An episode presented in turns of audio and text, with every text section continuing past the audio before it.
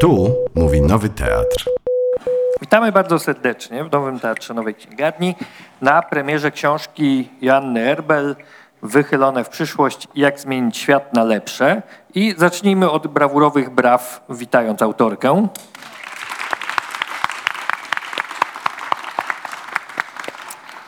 A następnie powitajmy również naszych gości. E, Sylwia Hutnik, pisarka, feministka, doskonale znana Państwu w Warszawie, działaczka społeczna. E, brawa. I Rafał Matyja, politolog, publicysta, wykładowca Uniwersytetu Ekonomicznego w Krakowie i autor m.in. książki Miejski Grunt 250 lat polskiej gry z nowoczesnością. Witamy serdecznie. Ja się nazywam Filip Springer, reprezentuję Szkołę Ekopoetyki. I zaczynajmy zatem. Witamy w miejscu porowatym. Będziemy mieli okazję o tej porowatości e, za chwilę porozmawiać. To miejsce jest też troszeczkę bohaterem, e, bohaterem książki Joanny. Natomiast e, ja muszę zacząć od tego, od takiej luźnej, luźnego skojarzenia, bo ostatnio prowadziłem spotkanie autorskie w tym miejscu z Grzegorzem Piątkiem. Było to 10 marca 2020 roku. Byłem prowadzącym, który był również odpowiedzialny za podawanie mikrofonu. Zdarzyło mi się kilka razy musnąć go ustami oraz Państwu, którzy zadawali pytania na pewniej też się zdarzyło musnąć go ustami. 12 ogłoszono lockdown. E, Grzesiu zadzwonił do mnie 15, zapytując, czy wszystko ze mną w porządku. E, I jak sobie o tym dzisiaj przypomniałem, to miałem taką myśl, że to było jednocześnie 15 lat temu i wczoraj, e, że tak jakoś się ten czas, e, najdłuższy marzec XXI wieku, który trwa do dziś, a jednocześnie, że strasznie dużo czasu od tamtego e, momentu upłynęło. Mm, I na początku, zanim przejdziemy do, albo, albo tak, zrobimy tak. Na początku chciałbym Państwu zaproponować takie ćwiczenie, żebyście Państwo też mieli możliwość po poobcować sobie z tekstem, e, zaproponuję Państwu ćwiczenie wizualizacyjne. Możemy? Ćwiczenia wizualizacyjne mają podobne scenariusze, niezależnie od tego, czy jest to podróż astralna w oparciu o wybraną kartę Tarota, motywacyjne wyobrażenie rozwoju własnej kariery, czy właśnie podróżowanie po świecie kolektywnej przyszłości. Zaczynamy zawsze od zamknięcia oczu, nie żebym teraz sugerował, co Państwo macie robić, czy właściwie autorka, i wejścia do nowego świata.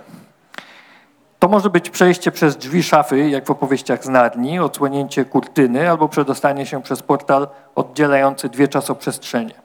Kolejny krok, to druga podpowiedź, co macie Państwo robić, to zwiedzanie tego nowego świata i przyjrzenie mu się w szczegółach. Chutnik nie zamknę oczu.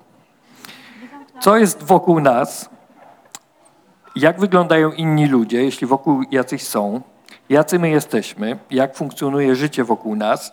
Punktem zaczepienia może być obraz albo opowieść, którą usłyszeliśmy. Czasami myśli biegną własnym torem. Przebłyski przyszłości mogą być efektem medytacji w skupieniu, ale możemy mieć też z nimi kontakt chodząc po mieście. Ćwiczenia wizualizacyjne można więc robić codziennie w dowolnym momencie. Po drodze do pracy, w przerwie na lunch, czekając na windę lub zabijając czas na nudnym spotkaniu. To nie jest ten case. Dokładnie w ten sposób, jak robiliśmy to będąc dziećmi, kiedy umieliśmy w prosty sposób przeskoczyć do świata wyobraźni. To, co zobaczymy, to wkład do opowieści, którym możemy dzielić się z innymi, tworząc wspólne wizje. Wizualizując sobie obrazy przyszłości, podobnie jak lekkoatletka, która wyobraża sobie idealny rzut młotem, ćwiczymy nasz umysł i ciało, żeby były gotowe na wprowadzenie nowego scenariusza w życie, kiedy tylko przyjdzie na to czas. I to na razie tyle. Mam nadzieję, że Państwo już zrobili sobie pierwsze ćwiczenie wizualizacyjne. Natomiast ja bym chciał y, zapytać y, Ciebie, Joanna, e, trochę w odniesieniu do tego fragmentu, a trochę też do tego, co mi wcześniej mówiłaś o tej książce, skąd ona się w ogóle wzięła? Czy z tego ćwiczenia, czy z czegoś jeszcze? Książka się wzięła z e, rozmów, które e, toczę w tym miejscu. E, to jak możecie Państwo przeczytać w podziękowaniach konkretną osobą, która mnie namówiła do rozmowy jest Bartek Sienkiewicz, który chyba gdzieś tu jest, albo przynajmniej był wcześniej, on gdzieś tam siedzi w tamtym rzędzie. Będzie można podziękować albo wręcz przeciwnie. E, Ale wzięła się z takiej potrzeby, że e, miałam poczucie, że e, jest tyle takich negatywnych narracji o rzeczywistości, że potrzebujemy czegoś dla przeciwwagi. Że inaczej po prostu będziemy siedzieć w tych domach, zwłaszcza, że to jest książka, która jest taką książką pandemiczną, tak? Znaczy e, ona powstała dzięki temu, że mogłam się mniej spotykać z ludźmi. Jeżeli gdziekolwiek wychodziłam, to tutaj do Teatru Nowego, czyli 300 metrów, 350 metrów od mo- mojego domu, co e, kiedyś liczyłam, jak była groźba, że ograniczą nam e, poruszanie się do 300 metrów, więc musiałam sprawdzić, e, czy będę mogła tu przyjść. Pamiętam, że wtedy siedzącą tutaj Olą w księgarni li- liczyłyśmy. Księgarnia wtedy była tam, wychodziło 380 metrów, więc był popłoch. I nie wiem, znaczy ja mam taką po prostu prywatną potrzebę, żeby widzieć tą lepszą e, przyszłość e, i jest ona pewnie moją taką indywidualną strategią radzenia sobie ze światem, a z drugiej strony, co się pewnie przewija przez tą książkę, jest e, czymś, co nas łączy. Tak, bo takim moim bardzo silnym doświadczeniem, które się y, tam pojawia, jest doświadczenie Kongresu Ruchów Miejskich, gdzie 10 lat temu w gronie ludzi, którzy mieli bardzo różne poglądy od lewa do prawa, wyobraziliśmy sobie pewne miasto, które było miastem zrównoważonym, dobrze zaplanowanym, gdzie dzieci były bezpieczne na ulicy, gdzie była zieleń. I to pozwoliło nam e, przekroczyć e, swoje fobie społeczne, w tym e, fobie polityczne że z kimś, kto ma inne poglądy na część e, z tematów dla nas ważnych, w ogóle nie rozmawiamy. I wydaje mi się, że teraz jesteśmy w troszeczkę podobnym, e, podobnym punkcie. Że bez tego, e, no bez tego te złe scenariusze się sprawdzą. A jak zaczniemy sobie wyobrażać lepszą wizję świata, no to jest szansa mała, ale że będzie troszeczkę lepiej. A czy to y, Bartłomiej Sienkiewicz był tą osobą, która kazała ci napisać inną książkę niż planowałaś, czy to, to jest inny kolega, bo mówiłeś mi o tym... Drugą książkę, tak. Tak, drugą. Właśnie, bo y, bardzo mnie zaciekawił, zaciekawił y, ten wątek, którego nie ma w książce, a jest, y, był w naszych rozmowach, to znaczy ten, w którym ty y, planowałaś napisać książkę, która jest książką fantastyczną, powieścią, a który, y, który, który się zderzył właśnie z takim postulatem, że teraz masz napisać taki jednak trochę podręcznik, taki narzędziownik, taki... Znaczy było troszeczkę inaczej. Znaczy Okej, tak mhm. zapamiętałeś tę rozmowę. E, Ja wiesz, ja dopowiedziałeś Polska sobie. no. Szkoła Reportażu. E, Historia była taka, że ja skończyłam tą powieść science fiction. Ona pewnie wyjdzie za jakieś pół roku, a potem się wzięłam za tę książkę.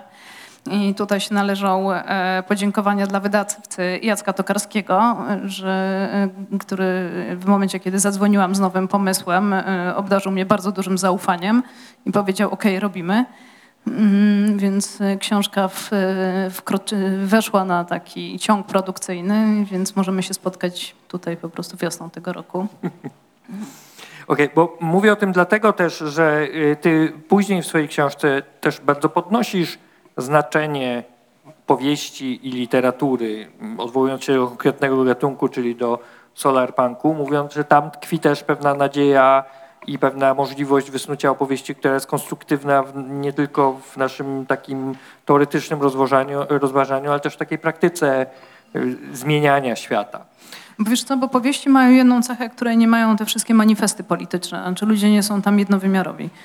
Tak, znaczy, jak się czyta za dużo manifestów politycznych i potem tworzy różne ruchy społeczne, to się zapomina o tym, że jesteśmy jednak ludźmi i popełniamy bardzo dużo błędów i efekt jest taki, że po tym e, e, przyjemnym momencie haju, kiedy się wszyscy ze sobą e, zgadzają, mają ten moment, kiedy okazuje się, że ktoś ma jakieś bariery, ktoś się z kimś pokłócił i nie umiemy zupełnie z tym dealować. Wydaje mi się, że jakbyśmy czytali więcej literatury w ruchach progresywnych, to byśmy sobie lepiej radzili w ogóle z jakąś taką rzeczywistością, gdzie zmiana jest e, czymś, co nie jest tworzone przez idealnych bohaterów e, wedle jednego scenariusza, tylko jednak jesteśmy jakimś tam teamem, gdzie każdy przychodzi z pewnym obciążeniem, które mamy, będąc ludźmi, zwłaszcza różnymi obciążeniami, będąc ludźmi urodzonymi w Polsce, na przykład e, nieufnością. E, wracając trochę do tego naszego ćwiczenia mm, wizualizacyjnego, mam teraz pytanie e, do naszych e, gości. Bo niezależnie od tego, czy zrobiliście je teraz, czy nie, domyślam się, że od czasu do czasu zdarza się wam pofantazjować o przyszłości. I teraz moje pytanie jest takie, bo mm, Jan napisze w tej książce, cytując Roba Hopkinsa, że negatywne wizje potrafią stać się murem, który oddziela nas od alternatywnych scenariuszy i umiejętności wyobrażenia sobie oraz następnie stworzenia lepszej przyszłości, takiej, w której kompetentnie i odważnie rozwiązywalibyśmy nasze problemy. I teraz mam pytanie, e, bo o tym jest trochę cała ta książka e, i taki jej przyświeca, taka jej przyświeca motywacja, żeby przemóc właśnie tę niemoc, na którą, do której zmuszają nas trochę kolejne kryzysy i pandemia i wojna, jeszcze klimat i inne rzeczy, żeby przemóc to negatywne myślenie o przyszłości i e, przeskoczyć ten mur i popatrzeć na przyszłość może bardziej e, pozytywnym okiem. Jakie dla Was e, w takim rozmyślaniu o przyszłości mury są najtrudne do, najtrudniejsze do przeskoczenia? To znaczy, co w tym rozważaniu czy wyszukiwaniu w przyszłości pozytywnych, możliwych scenariuszy, albo przynajmniej nie strasznie negatywnych, jest dla Was najtrudniejsze? I umówmy się, że nie będę teraz wskazywał paluszkiem, a Wy się będziecie radośnie wyrywać. Proszę bardzo, ja się mogę wyrwać do tego tematu. Dobry wieczór. E, Rzeczywiście mm, lektura e, książki Joasi Erbel zbiegła się z e, moją lekturą tekstów Rosie Braidotti, która zajmuje się posthumanizmem, ale ona proponuje coś w sumie podobnego, o czym ty, Jasiu, piszesz w kontekście solarpunka, mianowicie taką etykę afirmatywną. Y, Zanotowałam sobie jeden z cytatów. W negatywnych e, afektach negatywna nie jest normatywna wartość osądu, e, ale raczej fakt, że wywołują one efekt zamknięcia, blokady, usztywnienia, które pojawiają się na skutek uderzenia, szoku, aktu przemocy, zdrady, traumy bądź tylko przeraźliwej nudy. Ja tylko chciałem powiedzieć, że yy, Sylwia Hutnik nie dostała wcześniej pytań i ma notatki sama z siebie, a nie dlatego, że ja powiedziałem, o co będę pytał. Dziękuję. Ponieważ wcześniej mówiliśmy o jednak wyższości powieści y, i opowiadań, tej wielowymiarowości, więc powiedzmy, że byłam nieco profetyczna, Y, ale profetyczna też właściwie w pewnym sensie y, była lektura dla mnie książki, o której dziś rozmawiamy. Znaczy, po pierwsze, ona zrobiła słodką pętelkę, y, jeśli chodzi o moje poprzednie lektury. Z drugiej zaś zbiegła się też z myśleniem y, o, y, o aktywizmie teraz. I tu wracam do Twojego, Filipie, pytania. Nie rozproszyłam się tym e, fikuśnym cytatem. Natomiast y, oczywiście jest tak, że y, ja jako aktywistka od lat związana z organizacjami pozarządowymi głównie jestem Smurfem Marudą, jako publicystka takoż i więcej widzę e, minusów, rzeczy do zrobienia, deficytu. Przez lata pracowałam na problemie, na przykład prowadząc Fundację Mama.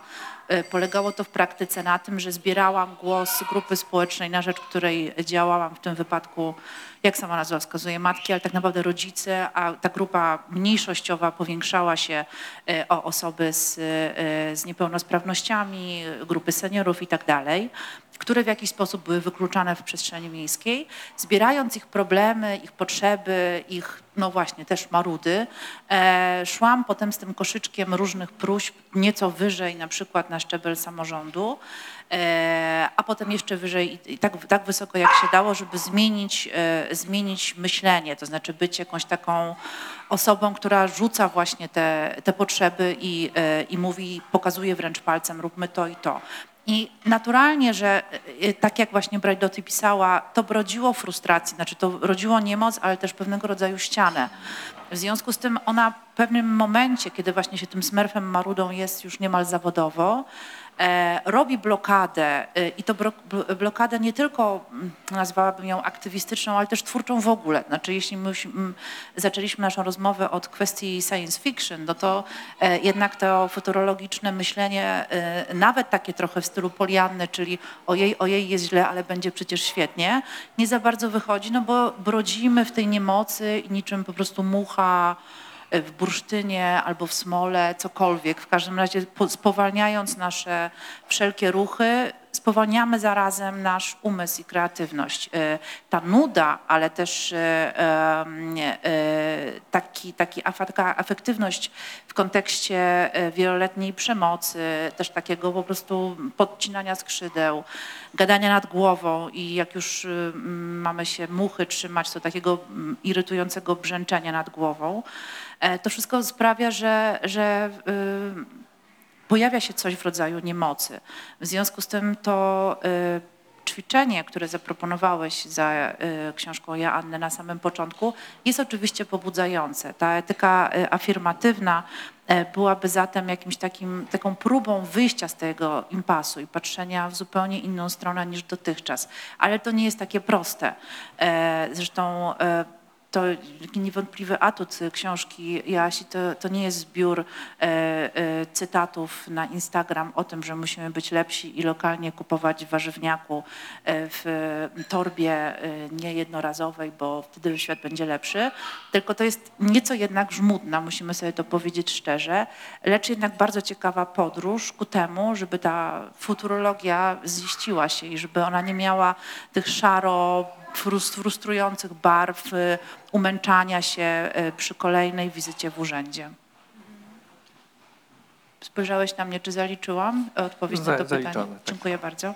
Z notatką, z cytatem, było jak trzeba. Rafał Matyja.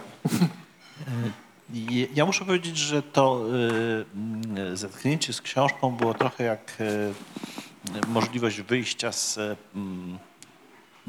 można powiedzieć, mrocznych języków, w których y, jako osoba analizująca y, taką warstwę ekspercką polskiej polityki tkwiłem. Bo zasada, jakiej eksperci widzą świat jest taka, trzeba zdiagnozować problemy, już się robi ciemno, e, potem wymyślić jakieś sposoby radzenia sobie Wygląda to mało wiarygodnie, no i później jest e, duży dokument, którego nikt nie czyta, wszyscy odkładają na półkę. Ten e, zaklęty krąg pracy eksperckiej w Polsce e, wydawał mi się prawie nie do przekroczenia. I co więcej, zdałem sobie sprawę, że my mm, w retoryce e, ci ludzie, którzy sekundują ekspertom, są ekspertami, chcieliby, żeby ekspertom wyszło, już wpadamy w taki pewien sposób, który jest samospełniającym się proroctwem, ale my wiemy już, że nie wyjdzie. I od początku chwalimy ekspertów, że dobrze zdiagnozowali, mają dobre recepty, ale w tle tych wszystkich artykułów jest na pewno im nie wyjdzie. Nawet jak ktoś mówi, mamy nadzieję, że politycy wreszcie zrozumieją, prawda? Więc to jest ta, ta, to mamy nadzieję jest oczywiście yy, dokładnie odwrotnym komunikatem. Nie mamy nadziei, ale dobrze, że eksperci po raz kolejny się postarali. I to, to jest jakby był jeden, jeden e, e, punkt, w którym ja czułem, że książka w różnych jej odsłonach w ogóle wychodzi poza ten krąg. Tu nie ma w zasadzie żadnej takiej tej, tej ponurej, czarnej diagnozy. Nie ma tego, że jak się nie postaramy, to klimat, jak się nie postaramy, to demografia i to wszystko będzie e, takie złe, że w zasadzie no, powinniśmy się zmobilizować, ale chyba nie damy rady i chyba wiatr wieje jeszcze w oczy. Druga rzecz, która jest, była dla mnie e, absolutnie przekonująca, to jest e, właśnie to ćwiczenie, e, którego ja miałem doświadczenie z poza, daleko spoza świata polityki. Kiedyś trafiło mi się tak, że całkiem niedaleko od miejsca, w którym jesteśmy, prowadziłem wywiad z Krzysztofem Pawłowskim, rektorem wówczas znanej sądeckiej uczelni prywatnej. I jak ja miałem 30 parę lat, każdy młody warszawiak po prostu mówiłem temu biednemu rektorowi, co powinien zrobić. Tak wyglądał wywiad, prawda? Bardzo się ciekawiłem jego odpowiedzi, ale, ale ja lepiej wiedziałem. Dostałem wtedy propozycję pojechania tam i e, Mówię o tym dlatego, że przez rok robiłem ćwiczenie, które bardzo przypomina to, co Joanna rek rekomenduje. E, Siedziałem wtedy, już pojawił się internet, można było siedzieć na amerykańskich kampusach. Siedziałem na amerykańskich kampusach przez rok e, e, wirtualnie i myślałem sobie, w zasadzie taką uczelnię chciałbym zrobić w Nowym Sączu, która oczywiście będzie trochę mniejsza, trochę pewne rzeczy trzeba będzie udawać i tak dalej, ale ale w zasadzie dlaczego nie? I w tym sensie ten, ta metoda jest mi bliska. Tak? To znaczy wszystko, co potem robiłem, było próbą zrealizowania takiego bardzo intensywnego i, i, i, i, i zachłannego próby zbudowania czegoś, co no potem dopiero zrozumiałem, że jest zupełnie niemożliwe w polskich warunkach. Tak? Ale, ale trochę nam się udało i to, co się udawało, właśnie było siłą wizji. Więc E, Całe doświadczenie, które bym powiedział jest polityczne, które jest w większości przypadków jednak pewną doświadczeniem niemożności, jest korygowane przez kilka takich doświadczeń, to zresztą to samo było w e, kilku przypadkach rozmów z samorządowcami, że ktoś miał coś sobie tam w głowie umyślił i powiedziałbym, że, że, że, że, te takie hmm, właśnie ćwiczenia z wyobraźni są zawsze u, u początku dużych projektów, nawet jak one są karkołomne, śmieszne. My potem czujemy, że, bo w tych, w tych projektach e, takich, które całą nowoczesność znaczą, jest zawsze taki, one są trochę, trochę wielkie, a trochę śmieszne, trochę małe jak ten człowiek, prawda, coś sobie nie wymyślił. Ja, ja potem miałem poczucie, że takim bohaterem nowoczesności sobie byłem, myśląc, że w Nowym Sączu Krzysztof Pałowski opowiadał, no my tu zbudujemy środkowoeuropejski Stanford, tak?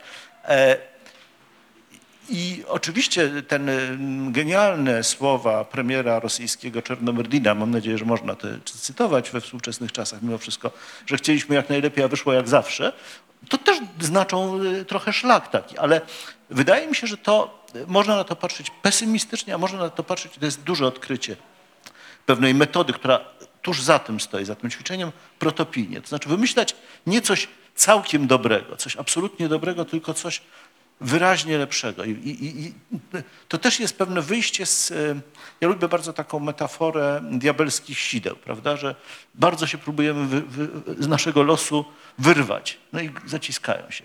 A jak tak próbujemy trochę się wyrwać, to jest szansa właśnie, że ta metoda protopijna jest jakimś takim mm, sposobem radzenia sobie. Więc dla mnie to jest bardzo mocno przekonujące, choć stoi całkowicie w sprzeczności z całym takim bagażem inteligencko-eksperckim polskiej polityki ostatniego ćwierćwiecza. To ja jeszcze dopytam e, o to e, rozmyślanie i fantazjowanie o przyszłości. Mm, Trochę powołując się na e, takie doświadczenie rozmowy z Marcinem Popkiewiczem, ekspertem klimatycznym, którego zaprosiliśmy do Szkoły Ekopoetyki, który nam przez e, e, dwie godziny różne ponure rzeczy opowiadał. I jak już wszyscy byli tacy zdruzgotani, a to był pierwszy zjazd szkoły, więc właściwie mogliśmy się rozwiązać, to on powiedział, ale wiecie, bo z Polski to gorzej widać różne rzeczy i że jak się spojrzy spoza tej polskiej perspektywy, to widać, że pewne zmiany, też te zielone zmiany idą trochę bardziej niż u nas, gdzie wtedy prezydent mówił, że mamy węgla na 300 lat, czy tam ile. E, I teraz chciałem was zapytać o to, czy w tych rozmyślaniach, i, i obiecuję, że już więcej nie będę o to pytał, e, ale czy w tych rozmyślaniach o przyszłości i, i w tym fantazjowaniu ta polska perspektywa jest jakoś szczególnie utrudniająca albo jakoś specyficzna? To znaczy, czy my mamy jakiś balast w rozmyślaniu o przyszłości, który nam to jeszcze komplikuje, tak jak nam na przykład komplikuje myślenie o zielonej transformacji, no bo mówi się w polskiej debacie publicznej tak, a nie inaczej o tym. E, czy macie jakieś refleksje na ten temat? Nie szłabym chyba w swojej wypowiedzi w typowe kalki dotyczące trudnego dzieciństwa, y, czyli historii Polski i ach, bo my to zawsze, bo my to nigdy. Y, Raczej pomyślałabym sobie, że w ogóle trudno jest y, zmieniać perspektywę i właśnie wychodzić spoza tych utartych szlaków myślowych również indywidualnie, w momencie, w którym po prostu jest się w jednym miejscu wciąż i wciąż. Jakkolwiek lokalność pewnie jeszcze będziemy odmieniać przez wszystkie przypadki w czasie naszej rozmowy, to jednak y, przewietrzenie i oddech są niezbędne, aby nabrać jakiejś nowej perspektywy. Niekoniecznie to, y, to jest opcja rzucania wszystkiego Bieszczady, Tipi, y, Vipassana i cała reszta. Bardziej chodzi mi o zmianę optyki to, o czym ty powiedziałaś, Janno, na początku, to znaczy miksowanie się z, i wychodzenie ze swoich baniek. Uwaga, bo jeszcze chwilę i powiem wychodzenie ze strefy komfortu. Y, Uważajmy, y, jest niezbędne do tego, aby po prostu y, zmienić też trochę sposób myślenia. To jest to wyjście spod ściany, to jest taki samochodzik, który czasem jest zabawką, który wiedzą Państwo, tak się go napędza i on jedzie i czasami jak już przyjedzie, podjedzie właściwie pod ścianę, to tak się szamoczą te kółeczka, nie mogą ani w jedną, ani w drugą stronę i sama u siebie widzę czasem taką, taką niemoc. E, czyli nie jest to raczej jakiś problem Polski, e, miejsca, w którym jesteśmy, e, tylko raczej takiego trwania na swoim, w swoim, e, pewnie bym powiedziała sosie, e, albo podobnych poglądach, które po prostu sprawiają, że jest wokół duszno. Muszę dopytać o to Rafała Matyję, bo w podtytule twojej książki jest 250 lat zmagań z nowoczesnością, więc jednak siłą rzeczy e, mm, trochę mnie interesuje też ta perspektywa. Mhm. Tam jest bardziej chodzi o grę niż o zmagania. To troszkę coś innego. Gra jest tro, trochę bardziej na, na luzie i zakłada większe szanse zwycięstwa. Tak? B- Jakieś domniemane pół na pół. Ale mm, y, ja uważam, że my y, trochę dajemy się zahipnotyzować swoim własnym wyobrażeniom e, o Polsce i takim redukcją, z którym nas, nam jest dobrze, to znaczy po, Polska jako alibi, prawda? Ona jest słabym alibi tak naprawdę. Jak się, im, Im bardziej się grzebie, to jest słabym alibi. Chyba, że mamy swoje ulubione cytaty i swoje ulubione fatalne wizje historii i tak dalej, no to wtedy, e, wte- wtedy to, to, to trzymamy jako takiego asa w rękawie. Ale ja bym, ja bym e, poszedł w, w zupełnie innym kierunku. Znaczy, e, narodów, które nam zazdroszczą. Mam kolegę z Czech, który mówi, wy macie bardzo dużo różnych tradycji politycznych, w tym można tak wybierać, ale my mamy bardzo dużo tradycji intelektualnych i literackich, które są absolutnie sprzeczne z tym, co sobie przesadnie wyobrażamy jako główny nurt i że Polacy tacy są. To znaczy przynajmniej połowa Polaków nie jest taka jak ta druga po, połowa Polaków i to nie ma nic wspólnego teraz z polityką. Tak? Chodzi o parkowanie samochodów, czy, utrzymywanie czystości, dbanie o różne rzeczy. Połowa jest wkurzona na tą drugą, która jest inna, ale tak naprawdę to, to oznacza całkiem, ca- całkiem niezłą równowagę. I teraz to, co chcę powiedzieć, to dla mnie y, ta gra z nowoczesnością oznacza bardzo dużą różnorodność odpowiedzi. I możemy sobie wybierać. Znaczy ja bym chciał, żebyśmy mieli, mieli poczucie, że polska tradycja to jest 15 rzeczy, z których można wybrać, a nie jakieś jedno fatum, którym się można właśnie e, wyługiwać od każdej odpowiedzi. E, i ja bym znalazł, pewnie gdybyśmy usiedli, zrobili dobre seminarium e, historyczne, ludzi, którzy myśleli bardzo podobnie jak Jan Erbel w różnych momentach historii, złych, trochę złych, a, a, a także całkiem dobrych, gdzie mimo, że było dobrze, to jakoś nikomu się nic nie udawało, więc to, to, to, to wydaje mi się, że, że, że tu łatwo jest znaleźć właśnie takie tradycje broń Boże nie nazywajmy tego żadnym tam pozytywizmem, romantyzmem, wtedy się sami już wklepujemy w tą ziemię i już, już nie możemy główką wy- wyrastać ponad, ponad pewien poziom. Więc wydaje mi się, że, że, ta, że, że ta historia po prostu daje różne szanse, tak? Nie jest fatum. No Joanna sama podpowiada jedną z tych dróg, e, mówiąc o spółdzielczości i pisząc, ale chwyciłaś za mikrofon, więc domyślam się, że chciałaś się odnieść już. Tak, właśnie chciałam powiedzieć to, co powiedziałeś przed chwilą, więc mamy tutaj e, dobrą synergię, że właśnie e, tą taką tradycją, do której możemy sią- sięgać jest ta spółdzielczość, ale ta sprzed e, e, 100 lat. I e, chciałabym pociągnąć ten wątek, który ty Sylwia zaczęłaś, czyli tego wychodzenia n- nawet nie tyle co poza swoją strefę komfortu, bo ja uważam, że musimy być bardzo głęboko osadzeni w swojej strefie komfortu, żeby otworzyć się na nowe rzeczy, a nie się z, przed nimi bronić. I dla mnie bardzo ciekawe jest, co dzieje się teraz y, w europejskim ruchu kooperatywnym, czy w ogóle w międzynarodowym ruchu kooperatywnym, gdzie jest założenie, że jednocześnie bardzo mocno zakorzeniamy się w lokalnej społeczności, w lokalnych potrzebach i lokalnych tematach, e, a jednocześnie szukamy ludzi, którzy mają z nami wspólne wartości, działają w podobny, trochę w podobny sposób, e, trochę inny. Taką e, spółdzielnią, o której też piszę w książce, jest spółdzielnia Airbnb włoska, która wyrosła w odpowiedzi na krótkoterminowy najem w Wenecji, teraz się rozprzestrzenia na całą Europę i e, animuje sieć, której zresztą jako Coptech Hub jesteśmy e, częścią, która chce łączyć ludzi z różnych krajów, żeby tworzyć te takie pierwsze punkty zaczepienia, wokół których na lokalnych zasadach mogą wzrastać fajne rzeczy. I wtedy się okazuje, że to nie jest tak, że musimy się dopasować, do, e, wybrać pomiędzy tym, czy chcemy być lokalni i blisko własnej tożsamości, czy mamy być nowocześni i odrzucić wszystko, czy mamy wybierać między lokalnym warzywniakiem e, a Rosmanem za, rogu, gdzie, za rogiem, gdzie jest e, mleko sojowe i coraz więcej owsiane, i jeszcze coraz więcej różnych innych e, produktów. Tylko tworzymy sieć podmiotów, która z założenia jest różnorodna, czy, czy jest też e, bliska temu, co się myśli w, w tych narracjach klimatycznych, że bioróżnorodność na wielu, wymiar, wielu wymiarach jest odpowiedzią na współczesne problemy. Jeżeli przełożymy to na e, tematy społeczne i na ekonomię, to ta bioróżnorodność będzie bazowaniem na tych lokalnych e, przykładach. I dla mnie taką, e, takim przykładem, którego chyba nie ma w książce, ale cały czas mi e, siedzi w głowie, jest e, spółdzielnia fińska, bodajże Snowflake, tak? Albo jak, która zajmuje się troską o rdzenne zasoby, ale w oparciu o wiarę ludów rdzennych, czyli buduje bardzo mocno na tożsamości, która jest tożsamością wcale nie oświeceniową. Jest tożsamością postoświeceniową, a jednocześnie bardzo zakorzenioną w tej narracji, która jest narracją globalną, czyli narracją e, proklimatyczną.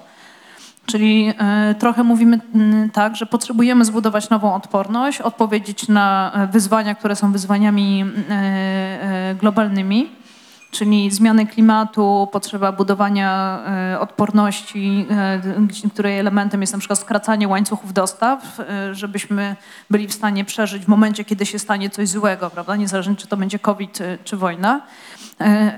A jednocześnie działamy jako międzynarodowa sieć. Chyba spółdzielnia się nazywa Snow jakoś tak. E, Dobrze. Y, mm, Padło już y, przywołane przez Rafała Matyję pojęcie protopii i protopijności, do którego zaraz dojdziemy, ale żeby do niego dojść w taki sposób, żeby Państwo też mieli e, klarowność tego wszystkiego przed przeczytaniem książki, mieli trochę może e, mm, łatwiejszą możliwość wejścia, e, musimy sobie opowiedzieć, e, dlaczego e, Joanna, ty się tak starasz e, w tej książce już od pierwszych stron, wyjść poza zarówno dystopię, jak i utopię. To znaczy, jaki ty masz z nimi problem, że sięgasz w końcu po tą protopię, którą zaraz objaśnimy? Bo jedna i druga niesie za sobą przemoc. Tak, znaczy utopie, tak jak one są e, opowiadane w naszym kręgu kulturowym, e, to de facto są e, narracje o tym, że jak się za bardzo postaramy i będziemy zbyt idealni, czyli odrzucimy coś, co jest naszą istotą, czyli pewnego rodzaju niedoskonałość e, i jakaś historia, którą ze sobą niesiemy, e, to to doprowadzi do przemocy, która wyewoluuje w, e, e, w dystopię. Znaczy, żyjemy w takim kręgu kulturowym, że nie umie- umiemy opowiadać dobrych historii, znaczy wciąż jest ich za mało, które nie mają tego swojego rewersu. I tak jak tam ja cytuję e, kilka powieści, czy jest to Wyspa Huxleya, e, czy jest to Piąty Święty Żywioł Starhawk, to, one mają e, wszystkie taką konstrukcję, że gdzieś jest ten idealny świat i, i nawet jeśli on nie jest sam sobie zdegenerowany, to tuż za miedzą jest ten agresor, który jest lustrzanym odbiciem. I oczywiście to ma jakąś tam swoją psychologiczną po prostu głębię, że możemy sobie dwie strony tego lustra obejrzeć e, w ramach jednej powieści, ale to jest coś, co sprawia, że w takim codziennym życiu jest e, e, bardzo ciężko, no bo nasze codzienne życie tak nie wygląda. Znaczy codzienne życie polega na tym, że mamy jakieś wyobrażenie o lepszej przyszłości, no ale jednak musimy codziennie dealować z tym, co możemy zrobić. Znaczy, pewnie w tej książce bardzo mocno odbije się e, to, co robiłam przez ostatnie pięć lat, czyli e, praca w urzędzie, praca przy rządowym programie Mieszkanie Plus, czy przejście przez e, ruchy miejskie i różnego rodzaju inicjatywy, gdzie niezależnie po której stronie się jest, jeżeli się nie działa w taki sposób, który jest totalnie pragmatyczny, czyli można powiedzieć zwinny, czyli mimo tego wychylenia w przyszłość i tej wizji e, idealnego świata jednak nie trzyma się tego kontaktu z rzeczywistością, e, to w pewnym momencie się e, człowieka wyrzuca z tego, tak? I albo człowieka wyrzuca w depresję, albo w jakiś totalny wewnętrzny konflikt, albo w frustrację, albo w poczucie niemocy. I to, co mi się wydaje, daje siłę, to jest przesuwanie właśnie rzeczy krok po kroku, robienie drobnych, skończonych e, e, projektów, e, działań. E, I to, co jest ważne, to jest to, żeby po prostu trzymać ten azymut i wiedzieć, dokąd się idzie. Chociaż czasami się oczywiście chodzi ruchem konika szachowego, e, ma się słabą tutaj mm, pozycję, nie jest się królową. Ale chciałbym jeszcze zostać przez chwilę przy tej utopii i w ogóle przy tym, mm, co ty próbujesz rozwiązać tym podejściem protopijnym, ale mm, a, a mówię tutaj przede wszystkim o pisaniu dobrej historii, czy, czy pozytywnej historii, nie, nie dobrej, a pozytywnej. I trochę bym ciebie, Sylwia, chciał dopytać też o to, czy ty w swojej takiej pisarskiej praktyce e, i e, doświadczeniu e, też masz to poczucie, w którym napisanie pozytywnej historii przychodzi o wiele trudniej e, niż takiej, która y, no, nie jest do końca taka krzepiąca. E, I czy masz jakieś intuicje dotyczące tego, dlaczego tak się dzieje? No tak, u mnie jak ktoś nie umrze, to ja się czuję niespełniona, więc to idealna adresatka. Można umrzeć szczęśliwie, więc wiesz. Tak, znaczy z moralną wyższością na przykład. Um, oczywiście opowiadanie krzepiących historii y, w kontekście polskiej literatury, już tego wątku nie będę tu rozwijała, jest po prostu obciachem, nie wolno, trzeba się jednak traumą pobiczować. Przynajmniej tak y, uważa pani Kalicińska, y, śledząc na przykład do nagród. Ale y, oczywiście y, te historie i opowieści właściwie, czyli w ogóle tradycje opowiadania, o której jak rozumiem, y, do której Joanna nawiązuje, mogą nieść różne treści. I kiedy myślę sobie o tym odwiecznym pytaniu zaangażowanie a literatura, czy zaangażowanie a twórczość w ogóle, e, to oczywiście e, odpowiadam też e, właśnie takim rozumieniem e, e, snucia tych opowieści, ale też konstruowania tych światów, narracji, która niesie jakieś treści, e, która łączy te dwie te dwa światy, to znaczy świat literacki, twórczy i świat, y, który nas otacza, z bardzo różnymi refleksjami. I nie mówimy tu tylko o e, takiej dualizmie pozytywne, negatywne, optymistyczne i te właśnie pełne dołów i śmierci. W tym sensie projekt Joanny, tak jak ja go rozumiem, opowiadania sobie tego, co mogłoby być, e, albo to, co my byśmy chciały, chcieli, żeby było, w kontekście tego właśnie programu Małych Kroków, jest program Siedmiu Kroków, to program Małych Kroków, e, po pierwsze jakby niweluje, przynajmniej u mnie, e, właśnie to poczucie frustracji, o którym też mówiłam wcześniej w kontekście działania, a z drugiej zaś strony daje nam też możliwość do wyzwalania swojej wyobraźni w trakcie mówienia, pisania. To znaczy trochę to jest sytuacja, w której jakby z takiego procesu teorii kreatywności historia sama nas niesie. E, Bo my nie wiemy, co jest za horyzontem, nie wiemy, jaki jest cel, co oczywiście jest wbrew neoliberalnej e, filozofii tego, że e, żeby naukowiec dostał e, pieniądz, e, to musi wiedzieć w grancie, jaki będzie rezultat badania. Znaczy Maria Skłodowska-Curie była Wylatuje. bezkreślona, wylatuje absolutnie, nie mieści się w Excelu. E, Tylko to jest ten program małych kroków rozumiany jako e, jakby proces e, wędrowania ze swoją opowieścią, a nie przed nią. E, To oczywiście jakby wchodzimy też na teren, gdzie jakby twórca czy pisarz, pisarka przestają być tym demiurgiem, który po prostu siedzi jak Napoleon nad mapą i tam wszystko wie. E, No bo to jest trochę taki work in progress. E, i Jest to ryzykowne, nie Ale to dla jest wszystkich. najprzyjemniejsze przecież.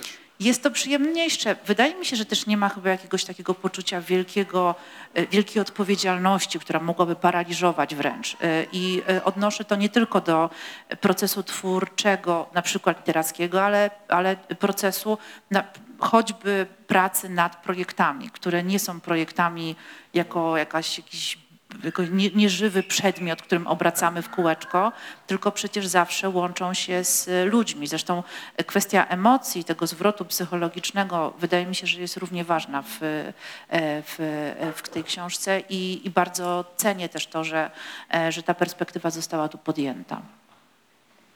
To jeszcze chciałbym dopytać e, o to, mm, tylko nie wiem, czy, czy będziecie y, mieli y, takie przykłady pod ręką, bo to, co niezależnie od tego, czy mówimy o pisaniu dystopijnym, powiedzmy, utopijnym czy protopijnym, ewidentnie napędza nam opowieść, to jest konflikt. Y, I to, co Joanna proponuje w książce, to jest jakby przyznanie po pierwsze tego, że rzeczywiście ten konflikt uwidacznia nasze cechy, które być może są najważniejsze do tego, żeby wygenerować zmianę, ale z drugiej strony, że możemy to, z tego skorzystać mądrze w taki sposób, że nie ustawiamy tego konfliktu pomiędzy jednostką a światem zewnętrznym, a pomiędzy wartościami, tak jak piszesz.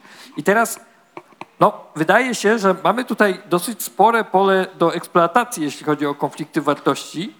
I teraz zastanawiam się, czy wam, czytając to albo teraz, przychodzą do głowy takie, które byłyby właśnie opowieściowo nośne. To znaczy, czy, czy, czy to, jest pytanie o konkret. Ono jest zawsze trudne, bo trzeba mieć pod, pod ręką e, takie pytanie, więc pytanie, czy, czy coś takiego macie? Brak odpowiedzi będzie przyjęty dobrze. Ja w tym czasie, macie czas na zastanowienie się, a ja w tym czasie powiem, że nie jest tak, że na końcu tylko będą pytania na tym spotkaniu, więc jeżeli Państwo macie ochotę, to zachęcamy już w trakcie, natomiast jako, że światła dają nam tak po twarzach, że nic nie widzimy, to trzeba krzyczeć, że się ma pytanie, to my wtedy jakoś to zorganizujemy. Wracam do pytania. To ja może powiem, że e, tam jest jeszcze jedna teza w tej książce, znaczy, że konflikt zawsze będzie, tak? Nawet jeżeli wszystko dobrze zrobimy, to konflikt jest, bo on jest po prostu funkcjonalny i że potrzebujemy tych różnych e, perspektyw e, po to, żeby w ogóle mieć kontakt z rzeczywistością. Jak się wszyscy zgadzają, to znaczy, że jest problem, tak? Bo znaczy, że albo kogoś wykluczyliśmy, Jesteśmy albo, e, albo jesteśmy e, w, w pułapce. A co do ty- Twojego pytania, takim może nawet nie tyle konfliktem, o którym teraz myślę, ale napięciem e, miejskim jest to, czy przyszłość to są małe czy duże miasta.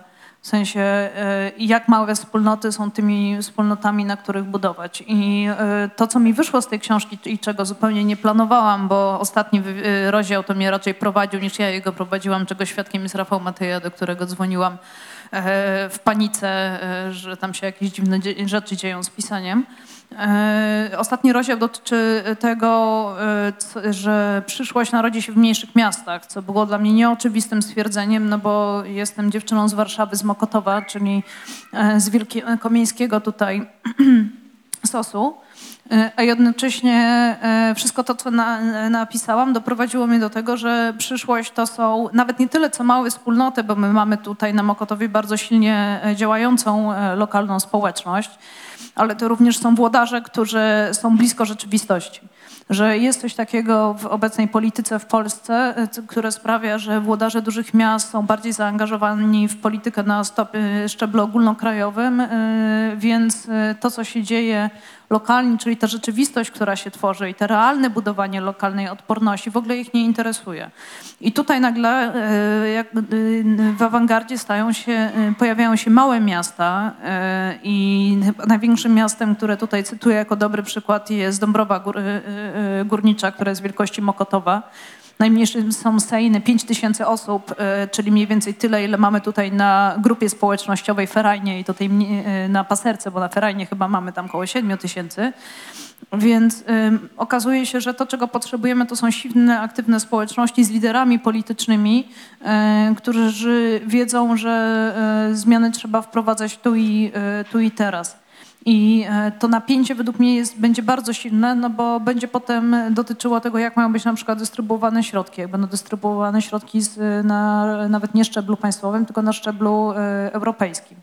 Czy w ogóle takie duże byty jak duże miasta, czy to jest w ogóle jakaś taka przestrzeń do, do wdrażania innowacji. I to jest taka rzecz, która e, e, mnie interesuje i tutaj wbrew pozorom, prawda, to jest taki scenariusz, który sprawia, że miejsce, w którym mieszkamy, e, będzie korzystało z tego, co wypracujemy w takich pięciotysięcznych sejnach, które wprowadzają teraz bardzo ciekawy model e, energetyczny i chcą postawić na budowanie własnego e, magazynu, magazynu energii, o czym tutaj w Mokoto, na Mokotowie pewnie moglibyśmy pomarzyć, mm, bo to jest za trudne, tak? Tam jest za dużo, mamy tutaj szczebli politycznych do przebicia się, a nie da się tego zrobić samą or- organizacją na tej zasadzie, co wspaniale działające Centrum Puławska e, 20.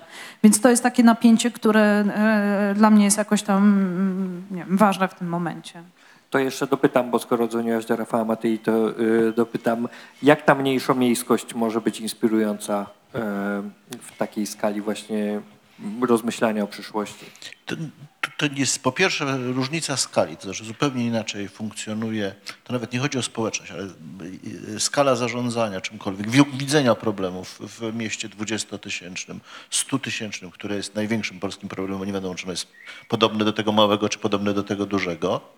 E, No i oczywiście w mieście takim jak Kraków czy Warszawa, gdzie e, to, o czym Joanna mówi, jest prawdą, ale to jest prawdą do pewnego stopnia nieuchronną, a różni bezserwiserzy, jak pan Barber, e, mówią jeszcze bardziej się tym, zostawcie te miasta i rządźcie światem, tak? W Polsce to jest problem, że prezydenci nie rządzą tymi miastami.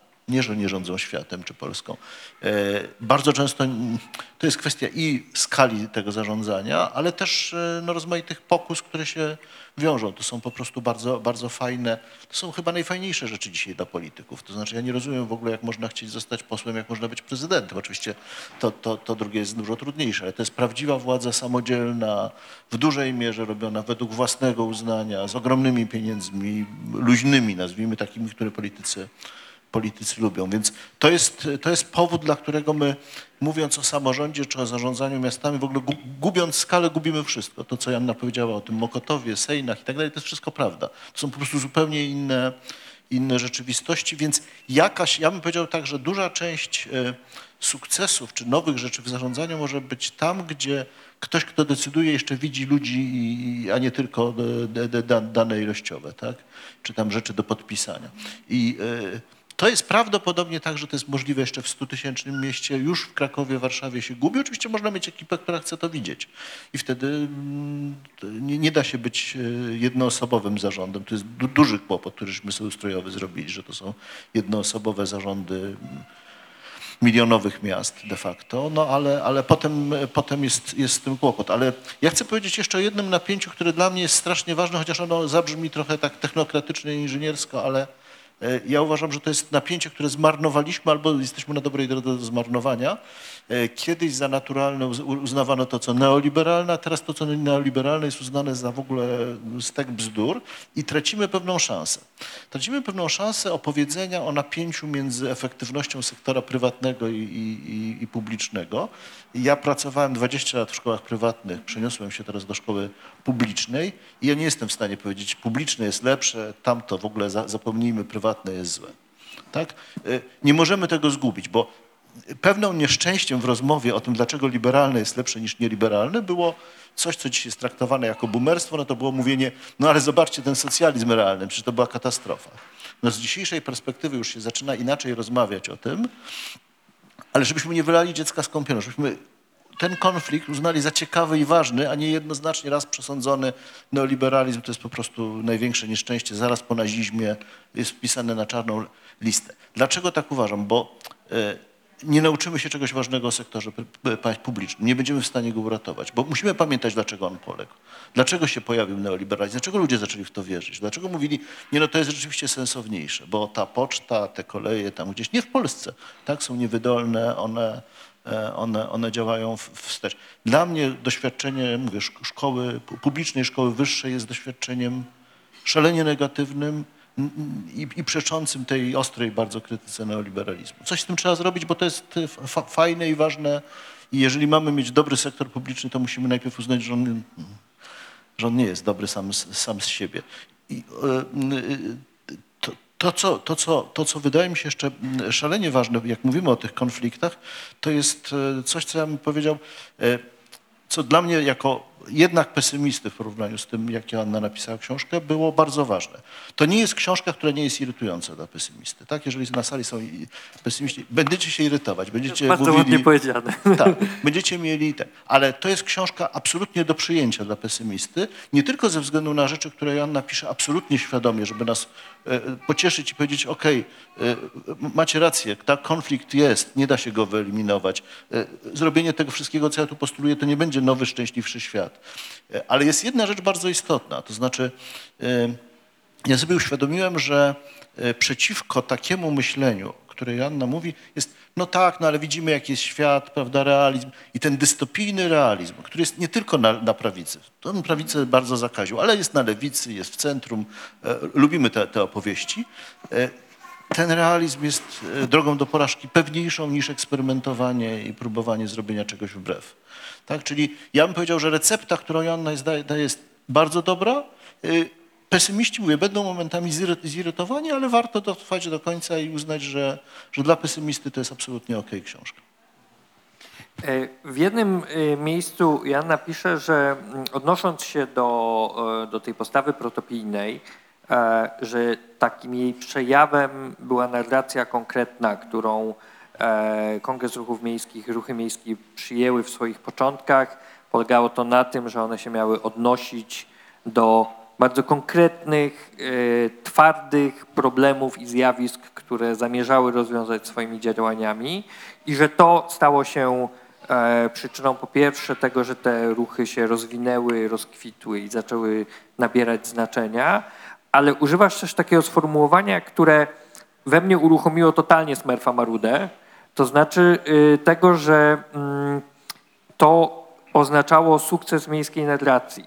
To znaczy, że, że ona się przybiła do e, polityki samorządowej. I ja zacząłem się zastanawiać nie tyle nad tym, czy, e, czy ten sukces się odbył, bo rzeczywiście coś takiego się wydarzyło, ale jakiej miejskości to jest narracja? To znaczy, czy, i tutaj jest pytanie do Was wszystkich, to znaczy, czy to jest sukces miejskiej narracji, którą postulowały ruchy miejskie, czy, bo ja im dłużej się temu przyglądam, tym mam poczucie, mm, że to jest e, sukces takiego wizerunku miejskości, a nie samej tej- miejskiej narracji, którą, takiej głębokiej, którą te, te ruchy postulowały. I chciałem zapytać o was, was o to, czy, y, jak wy definiujecie, czy, czy się zgadzacie z tym, jak definiujecie ten sukces miejskiej narracji dzisiaj? To mi się wydaje, że to w ogóle nie chodzi o sukces miejskiej narracji i że z tych dwóch słów narracja konkretna, to to drugie jest ważniejsze, czyli ta konkretność. Znaczy to są takie małe, drobne sukcesy. To znaczy, że na placu pięciu rogów, jak są drzewa, to one są duże. Także jednak tej zieleni jest tutaj e, dużo więcej, że da się przejechać rowerem przez miasto, e, nie bojąc się ut- utraty e, swojego zdrowia i życia, czego jeszcze się nie dało zrobić 10 lat temu. I to też jest opowieść o tym, że te narracje, one są bardzo mocno zakorzenione w kontekście, one nie są uniwersalne. Ja tam e, w, na koniec książki też e, czytu, cytuję taką ekofeministkę Starhawk, która e, opowiada o tym, że ta przemiana, której doświadczamy, ona nie jest linią, nieważne jak ona tam le- leci, tylko ona jest raczej spiralą.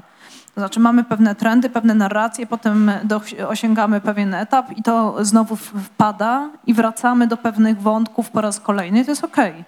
Znaczy mamy kolejną iterację, bo odpowiedzieliśmy na pewną potrzebę, na przykład potrzebę e, większej solidarności. Tak, teraz jesteśmy w jakimś takim momencie, gdzie po 30 latach mamy takie poczucie, że e, nie jesteśmy sami sobie sternikiem i okrętem, tylko że potrzebujemy różnych ludzi, innych od siebie i też większej grupy, żeby w ogóle sobie poradzić z tą sytuacją, w której się znaleźliśmy. Tak, na poziomie takiego zarządzania to jest to, że potrzebujemy ludzi, którzy myślą inaczej, żeby rozwiązać po prostu te bardzo złożone problemy.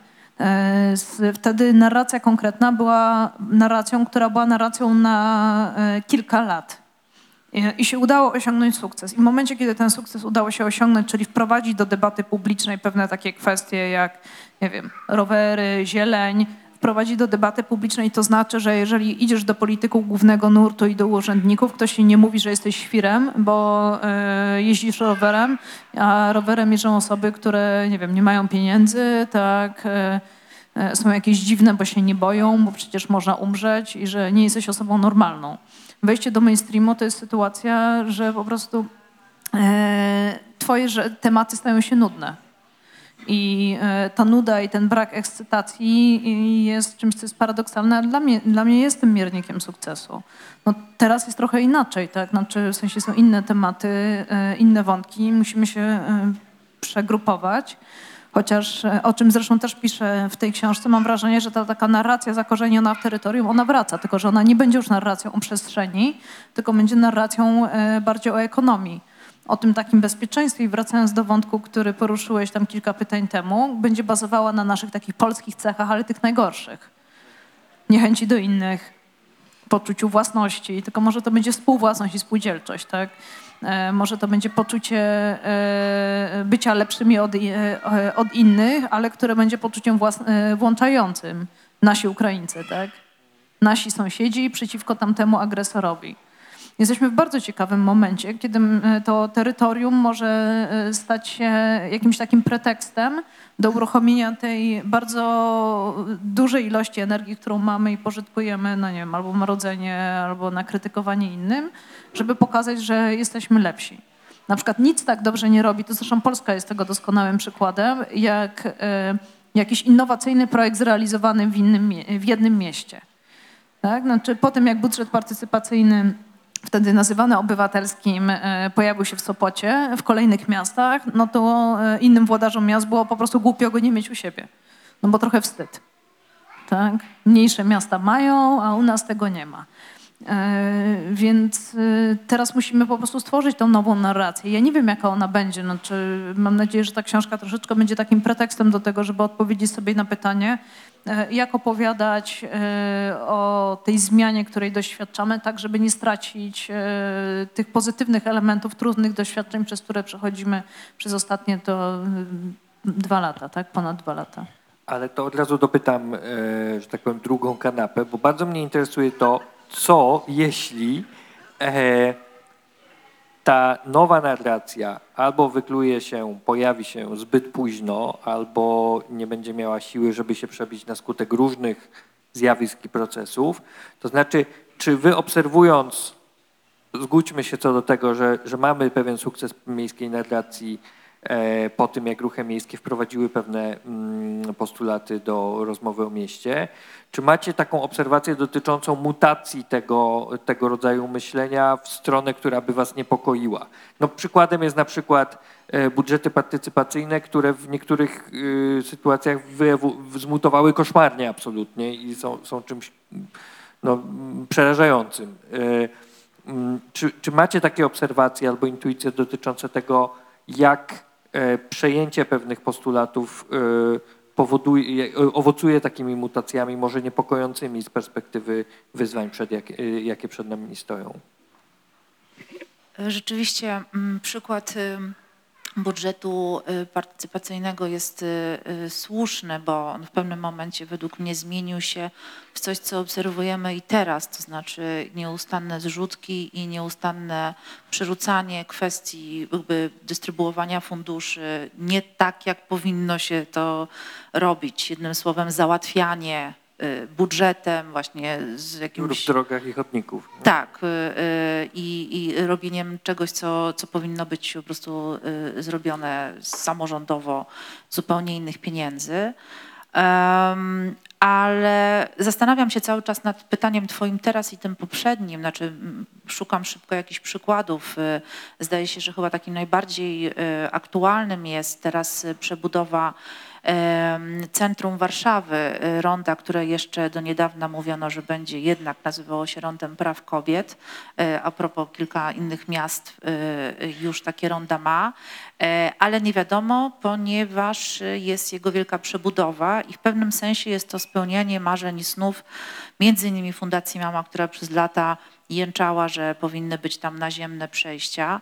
E, i- I jestem bardzo ciekawa, jak, jak to będzie wyglądało, a przede wszystkim jak to będzie użytkowane, ale już teraz widać, że e, tu włącza mi się jakby znowu narracja tej, która e, jednak trochę marudzi, że w, przy przynajmniej części z tych y, em, naziemnych przejść y, y, ustawienie latarni, ale też e, słupów, które trzymają e, oświetlenie jest taka, że uniemożliwi jazdę osobom na wózkach, więc by, fajnie, fajnie, ale bez przesady.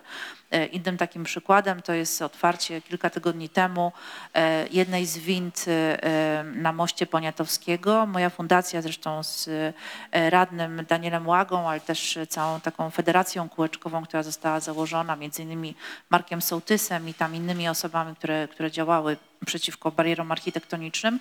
Walczyliśmy, zdaje się, 11 lat o te, o te windy. Miało być ich pięć, jest jedna i po tygodniu się zepsuła, ale nie szkodzi, ponieważ nasz, że nasze jakby, jakoś można to powiedzieć, że to był sukces. E, Więc są takie dwa kroki do przodu, ale jednak trzy do tyłu.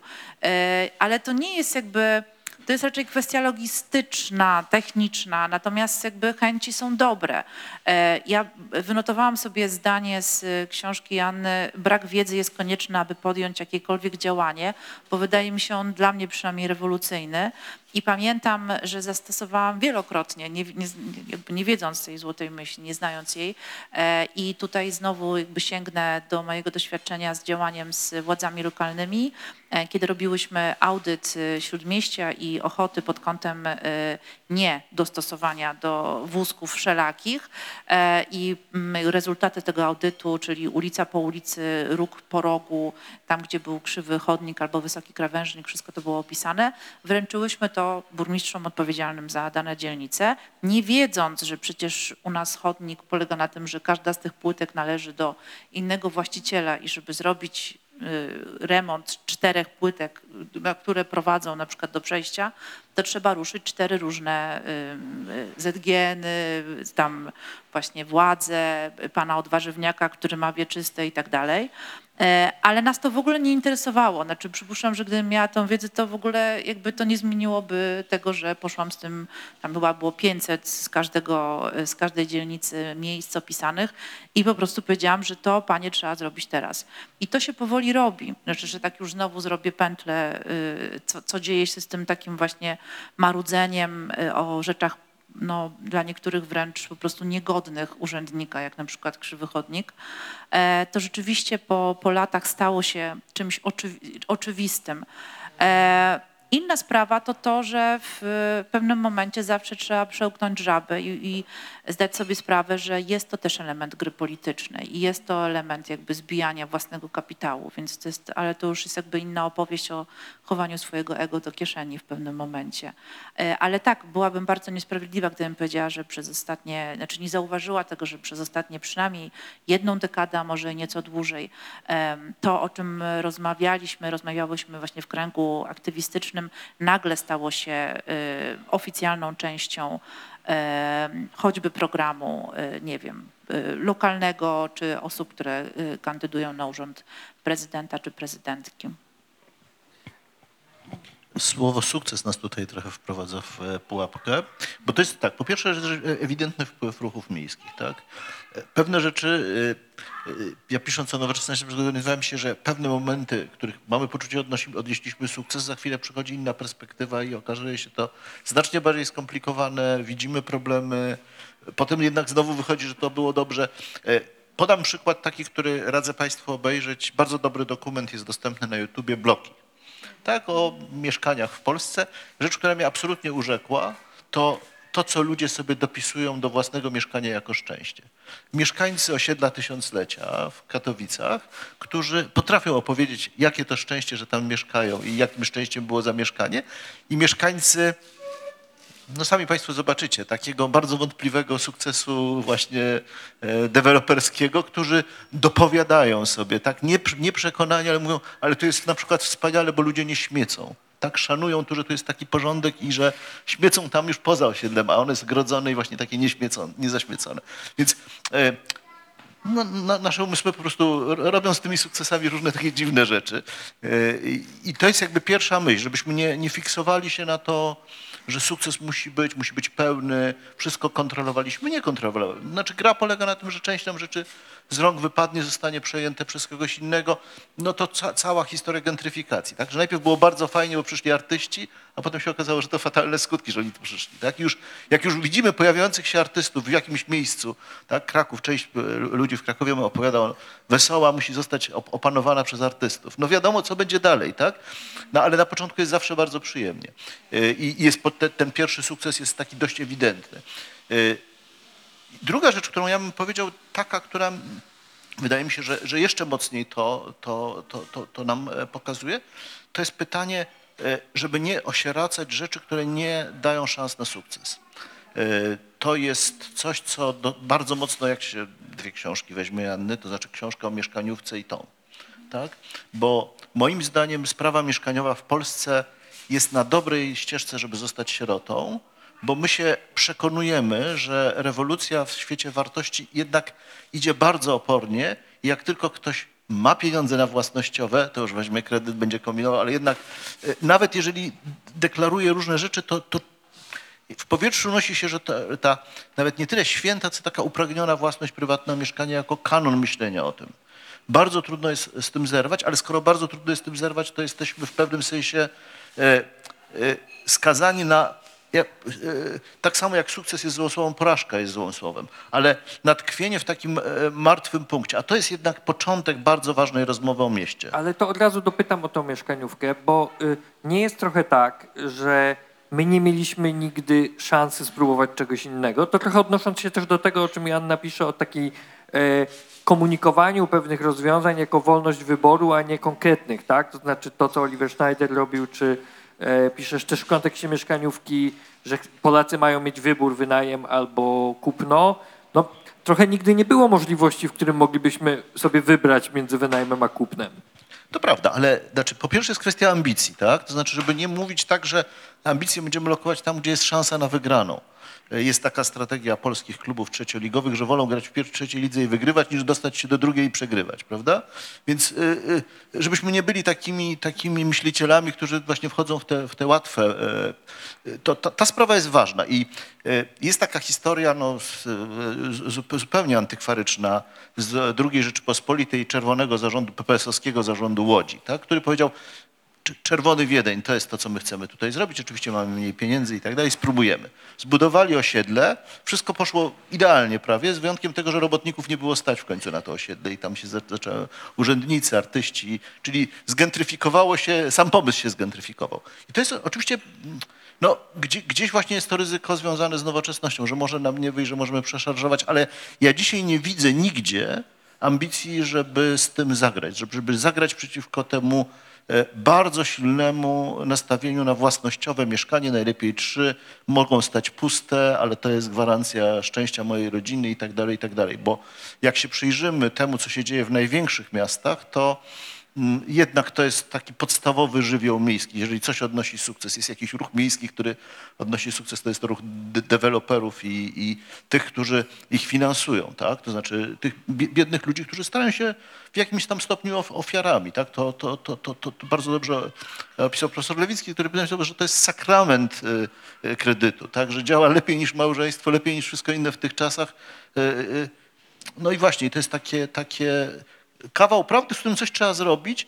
Y, Paradoksalnie pomysły protopijne nie są tutaj dobrą receptą. Znaczy, mamy poczucie, że tu, że tu gdzieś ten problem siedzi za, za, za mocno. Więc ja chcę pokazać, że z jednej strony rzeczywiście nastaw, znaczy uprawiajmy propagandę drobnych sukcesów, bo nic innego e, nam, nam nie napędzi e, pr- pracy i dobrych wysiłków, ale też nie uciekajmy tam, gdzie jest, e, no Jo- Joanna oczywiście podjęła tą sprawę bardzo mocno, tak, gdzie problem jest trudny i tym, tym drobnymi ruchami chyba się go nie da, nie da zrobić. Tak. Znaczy budujmy też takie koalicje no, do, do długotrwałej wojny pozycyjnej.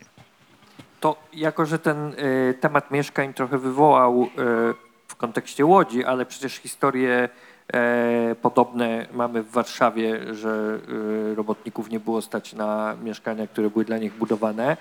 E, tą konkretyzacją, czy tą, tym drugim etapem tego, y, o czym Janna pisze, to znaczy po tej narracji konkretnej, e, postulatem Joanny w książce jest wywołanie narracji spółdzielczej na wszystkich możliwych poziomach i e, gdzie tylko się da, jako takiej, która ma, może unieść tę, e, tę fantazję o przyszłości. I teraz pytanie znowu otwarte i do Was wszystkich. Jakie nauki z historii polskiej spółdzielczości są tymi, które powinniśmy mieć głęboko w sercu, żeby nie popełnić błędów e, i, e, i użyć tej spółdzielczości do tych naszych nowych celów. Od razu myślę sobie oczywiście o y, przedwojennej spółdzielczości Żoliborza i nie tylko chodzi mi o właśnie mieszkania, które od razu się kojarzą, ale o e, te takie bardzo oddolne inicjatywy jak wspólna opieka nad dziećmi, e, biblioteki, osiedlo, osiedlowe krople mleka dokładnie. E, Znaczy te inicjatywy, które jakby wykraczają już poza, znaczy to jest jakby wspólnotowość rozumiana jako współdzielenie. Mm, ale od razu myślę sobie o tym, co można by z tego y, co można by z tego wziąć na teraz i właściwie mamy gotowca. Z drugiej strony mam doświadczenie zakładania spółdzielni socjalnej. E, rękodzielniczej. E, Nie ja byłam członkinią tej spółdzielni, ale byłam jej inicjatorką. E, I rzecz rozbija się o ideały versus księgowość. I zresztą Janna pisze o tym, że nawet kooperatywa dobrze jest formalnie, zdaje się, fundacją czy stowarzy stowarzyszeniem, więc ja bym była tu ostrożna. W, na, znaczy ja już, ja już mam jakby etap namawiania na spółdzielnie socjalne i zakładania za sobą, bo potem było mi strasznie przykro, jak, e, jak po prostu się to wszystko rozbijało kwestie formalne.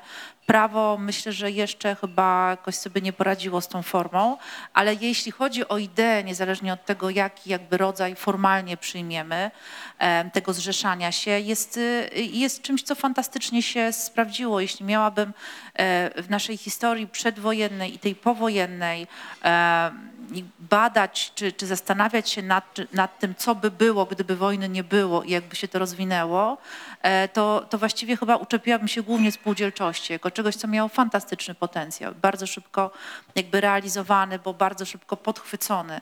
E, Zresztą to, o czym Janna pisze, w, te przykłady współczesne, o których pisze w swojej książce, jak e, Widzialna Ręka, ale też e, ja mam doświadczenie w zakładaniu banków czasu, e, to naprawdę były tematy, które ja nawet e, jakby zanim wyjaśniłam drogim Państwu, o co tu chodzi, to już a okej, dobra, nara, robimy.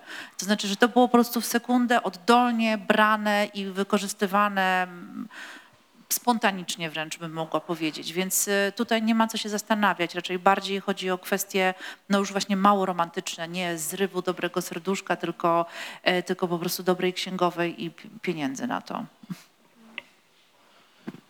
Janna. Znaczy, Wydaje mi się, że e, tak jak ty mówisz, uczy e, branie doświadczeń z historii, e, w sytuacji, kiedy tych narracji mamy bardzo mało, a ta nar- narracja spółdzielcza nie jest czymś, czego się uczy, uczy w szkole, tak? Znaczy, I to, co jest najbliższe naszemu pewnie tutaj doświadczeniu, bo widać te budynki, no to są te budynki spółdzielcze, które są dobrze zaprojektowane. Poza wspomnianym WSM-em, no to Większość tych e, starszych kamienic tutaj w okolicy, no to były budynki spółdzielcze sfinansowane przez Bank Gospodarstwa e, e, Krajowego. Tylko spółdzielczość mieszkaniowa teraz nie będzie tym liderem e, odrodzenia spółdzielczego, dlatego że największą barierą jest dostęp do gruntu. I tak długo jak władze samorządowe i władze państwowe nie powiedzą, e, fragment każdego projektu realizowany w ramach miejskiego, e, miejskiej inwestycji albo jakiegoś takiego wielobranżowego projektu, jak mieliśmy osiedla Warszawy, na przykład 20% idzie na kooperatywy, których częścią będą mieszkania e, e, wiem, w TBS-ie dla osób o średnich dochodach na wynajem. Tak, znaczy póki nie będzie czegoś takiego, nie będzie odrodzenia spółdzielczości mieszkaniowej. I bardziej tutaj widzę odrodzenie spółdzielczości e, w tym miejscu, e, gdzie mamy bardziej e, większą możliwość ekspansji, tylko w tej przestrzeni cyfrowej. Właśnie ta spółdzielnia Airbnb stworzyła platformę, która była alternatywą dla innej platformy cyfrowej. I e, ja nie jestem osobą, która powie, że spółdzielnia jest dobrym odpowie- od- dobrą odpowiedzią na wszystkie problemy, a, aczkolwiek jest e, ciekawą odpowiedzią, e, bo w końcu nie musimy oszukiwać, tak? Znaczy w sensie nie musimy oszukiwać, że będąc NGO-sem i działając społecznie chcemy zarabiać pieniądze, no bo to jest to, co się robi przez ostatnie tam 30 lat. Tak, znaczy albo jest się w niedofinansowanym sektorze, a jak ktoś chce pozyskiwać jakieś środki, no to jest ta organizacja pozarządowa z działalnością gospodarczą, więc to już jest trochę dziwne. Albo są te wszystkie różne takie e, patologiczne formy CSR-u, że e, promil budżetu dużej korporacji przeznacza się na akcję wolontariacką typu e, sprzątanie brzegu jakiegoś jeziorka miejskiego przez pracowników korporacji. Tak? Znaczy zupełnie bez sensu. I spółdzielczość jest o tyle ciekawa, że ona łączy w sobie dwie kwestie, czyli mówi tak, działanie społeczne ma wartość, ale również zarabianie pieniędzy ma wartość, więc nie musicie wybierać pomiędzy zarabianiem pieniędzy a robieniem rzeczy etycznych, tylko możemy to wpleść e, w jeden projekt, który będzie rozliczany wedle tych dwóch wartości. I to e, jak my teraz jako KOPTH próbujemy prowadzić rozmowy z samorządami, oczywiście tymi mniejszymi z powodów, o których e, mówiłam wcześniej, to jest pokazywanie, że zamiast stawiać na spółki rozwojowe, gdzie ostatecznie i tak będzie zarząd, którego będziemy rozliczać z Excela, e, warto stworzyć spółdzielnię rozwojową, gdzie po pierwsze te cele klimatyczne i społeczne będą rdzeniem i takim zaczynem w ogóle działania tego przedsiębiorstwa. E, A z drugiej strony można zrobić e, wyjście społecznościowe, czyli sprzedać udziały, gdzie osoby, które kupią te udziały, czyli w praktyce pewnie lokalna klasa średnia plus pracowniczki i pracowniczki tej firmy, będą brali aktywny udział. Czyli znowu po prostu zrobi się coś, o czym duże korporacje mówią już od dawna, że trzeba upadmiatawiać pracowników, słuchać po prostu każdej osoby na każdym szczeblu, no bo e, z dołu widać czasami lepiej niż e, z tego 30 piętra szklanego e, biurowca, więc jest to korzystne dla akcjonariuszy.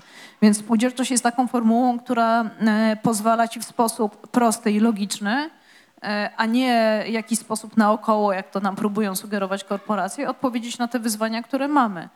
I e, to, co mówię, pewnie byłoby totalnie abstrakcyjne, gdybyśmy rozmawiali o tym trzy lata temu na tej samej kanapie, w tym samym miejscu. E, Tylko teraz po covid po prostu wiemy, jak bardzo ważne są więzi lokalne, jak bardzo ważne jest budowanie tego lokalnego obiegu również e, pieniądza w różnych formułach. I jak ważne jest e, zatrudnianie e, osób, które, wiem, które znamy, którym możemy ufać. I tu znowu odwołując się do tej naszej dyskusji narodowej, e, spółdzielczość to jest jedyna formuła zatrudnienia swoich, która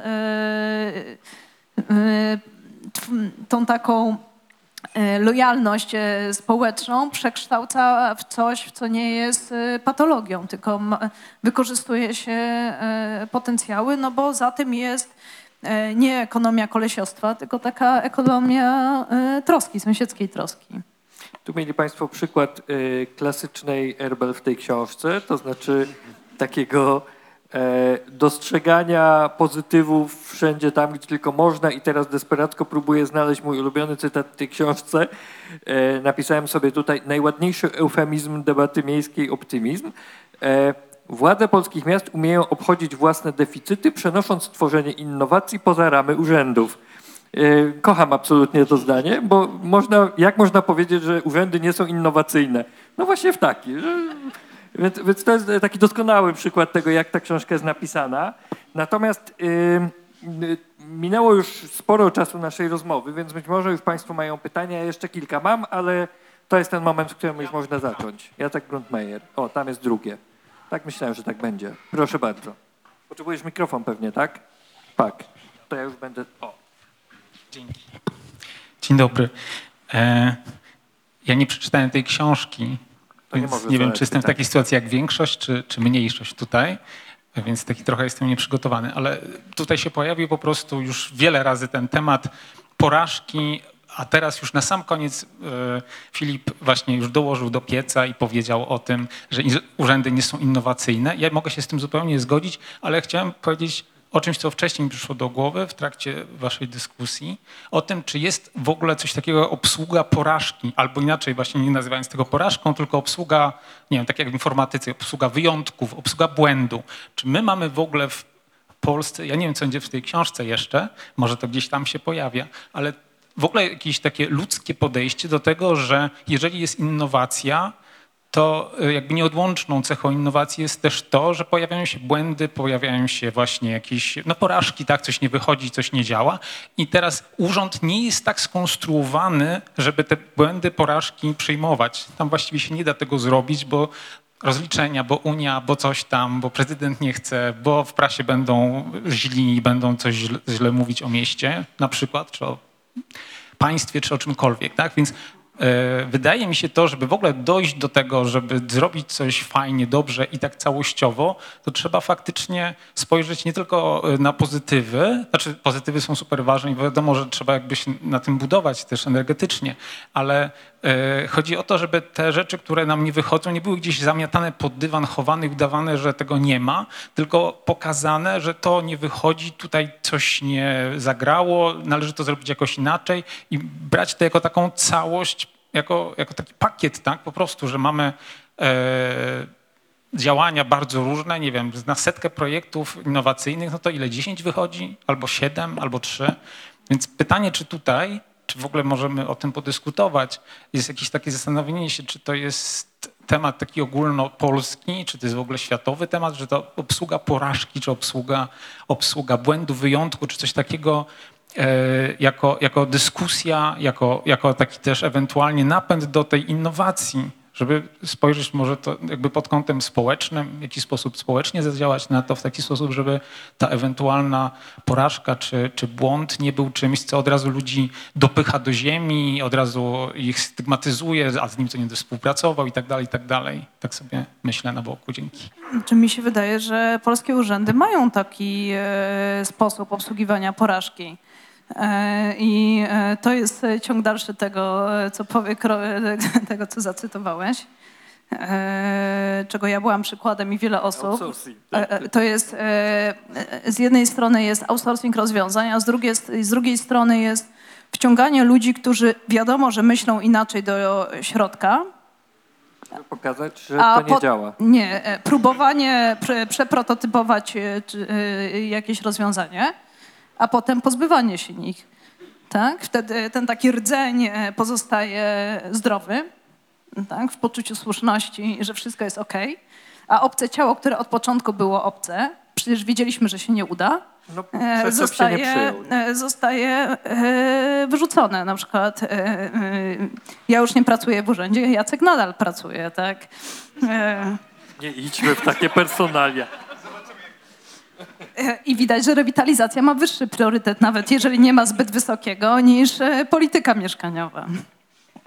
Też mi się wydaje, że ten właśnie outsourcing porażki y, jest ważny, ale to, co jest też w książce Janny, co dla mnie jakoś było bardzo ciekawe też przy okazji cancel culture i całej jakby innej debaty, to znaczy w tym rozdziale czy części dotyczącej sojuszy, o której już była mowa, jest też ważny według mnie postulat, y, aby jakby pozbyć się radykalnego wykluczania osób, które zrobiły coś złego i wywalania ich poza wioskę i po prostu albo zakopywania na tam ileś drowasiek. Znaczy jednym słowem, żeby, to jest co uwaga, którą jakoś tak bardzo nie rozwijasz, chętnie bym z tobą o tym porozmawiała przy innej okazji, ale uważam, że to jest też bardzo ważne e, we współczesnym kontekście y, w ogóle naszego sposobu rozmawiania i komunikacji.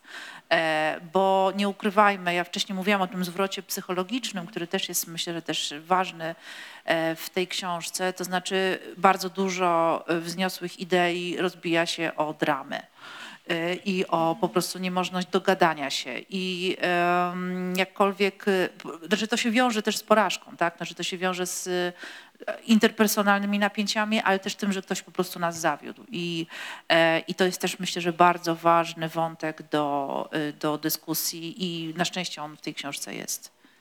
Tam było jeszcze pytanie, to y, pan, tak? Tak, oczywiście. Tylko chciałem potwierdzić, jest Dzięki. pytanie. Tak, ja chciałbym zapytać, e, obok mnie Alek Tarkowski, który już wyszedł, zapytał słusznie, czy każda zmiana społeczna jest w ogóle jakby przyszłością, czy przyszłość chodzi o zmianę i że jeśli rozmawiamy o przyszłości, to chyba trzeba spojrzeć na jakieś takie historyczne, duże trendy. I chciałem zapytać, co sądzicie o mm, kontrpropozycji, bo to nie jest jedyna wizja przyszłości, ta, którą my uprawiamy z Joanną, ale jest też kontrwizja przyszłości, którą można nazwać, może w polskim dyskursie nie jest to jeszcze obecne, bo jesteśmy peryferiami, w związku z czym do nas to przyjdzie wyłącznie w formie tego, że my musimy to zaakceptować, ale tak zwane mroczne oświecenie, tak? czyli Elon Musk przejmujący Twittera, czyli Peter Thiel, czyli cała ta masa ludzi, którzy uważają, że jest moment, kiedy trzeba sprawiedliwości społecznej postawić kropkę. E, Ci, którzy są bogaci, którzy skoncentrowali kapitał przez e, ten ponure trzy dekady, czy ponad nawet neoliberalizmu, że władza musi trafić w ich ręce. I oni mają już pobudowane sojusze polityczne, e, teraz chcą przejąć infrastrukturę komunikacji, tak jak właśnie próba przejęcia Twittera, wprowadzenia globalnej cenzury. No jakby jak my możemy wygrać z naszym scenariuszem, z naszą wizją, jeśli zasadniczo e, sami mierzymy się z tym, że po tak zwanej liberalnej czy progresywnej stronie, no wciąż mamy do czynienia z gerontokracją, która próbuje nasze wizje traktować jako szaleństwo, jako głupoty albo co gorsza komunizm.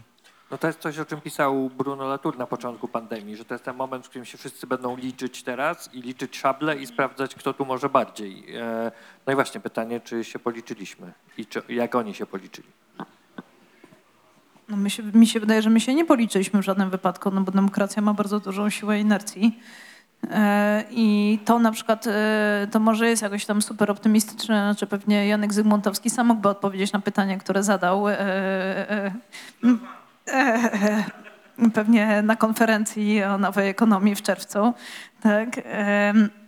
Mm, Dla mnie taką odpowiedzią jest jednak ten zwrot w stronę lokalności, że poza tą przestrzenią cyfrową, social mediami i tym taką wyobrażeniem, że, wyobrażeniem, że będziemy tutaj nawet nie siedzieli fizycznie koło siebie, tylko będziemy rozmawiali przez social media, jednak jest ta e, realność, że te spotkania twarzą twarz i tworzenie tej demokracji na bazie lokalnych wspólnot, gdzie będą jednak obiegi wartości e, znaczy i obiegi komunikacyjne poza, e, poza dużymi mediami jest chyba jedynym ratunkiem e, dla nas, czyli takim w miastach to, się, to jest takie napięcie, które jest napięciem pomiędzy smart city a dump city, czyli takie zrobienie kroku e, wstecz po to, żeby odzyskać pewien rodzaj jakości życia. Tutaj rozumiem, że ta jakość życia jest pewną obliczalnością e, e, i komunikacyjną, poczuciem, poczuciem bezpieczeństwa, tak? No bo ta wizja, którą ty, o którą ty rysujesz, no to jest wizja świata, który jest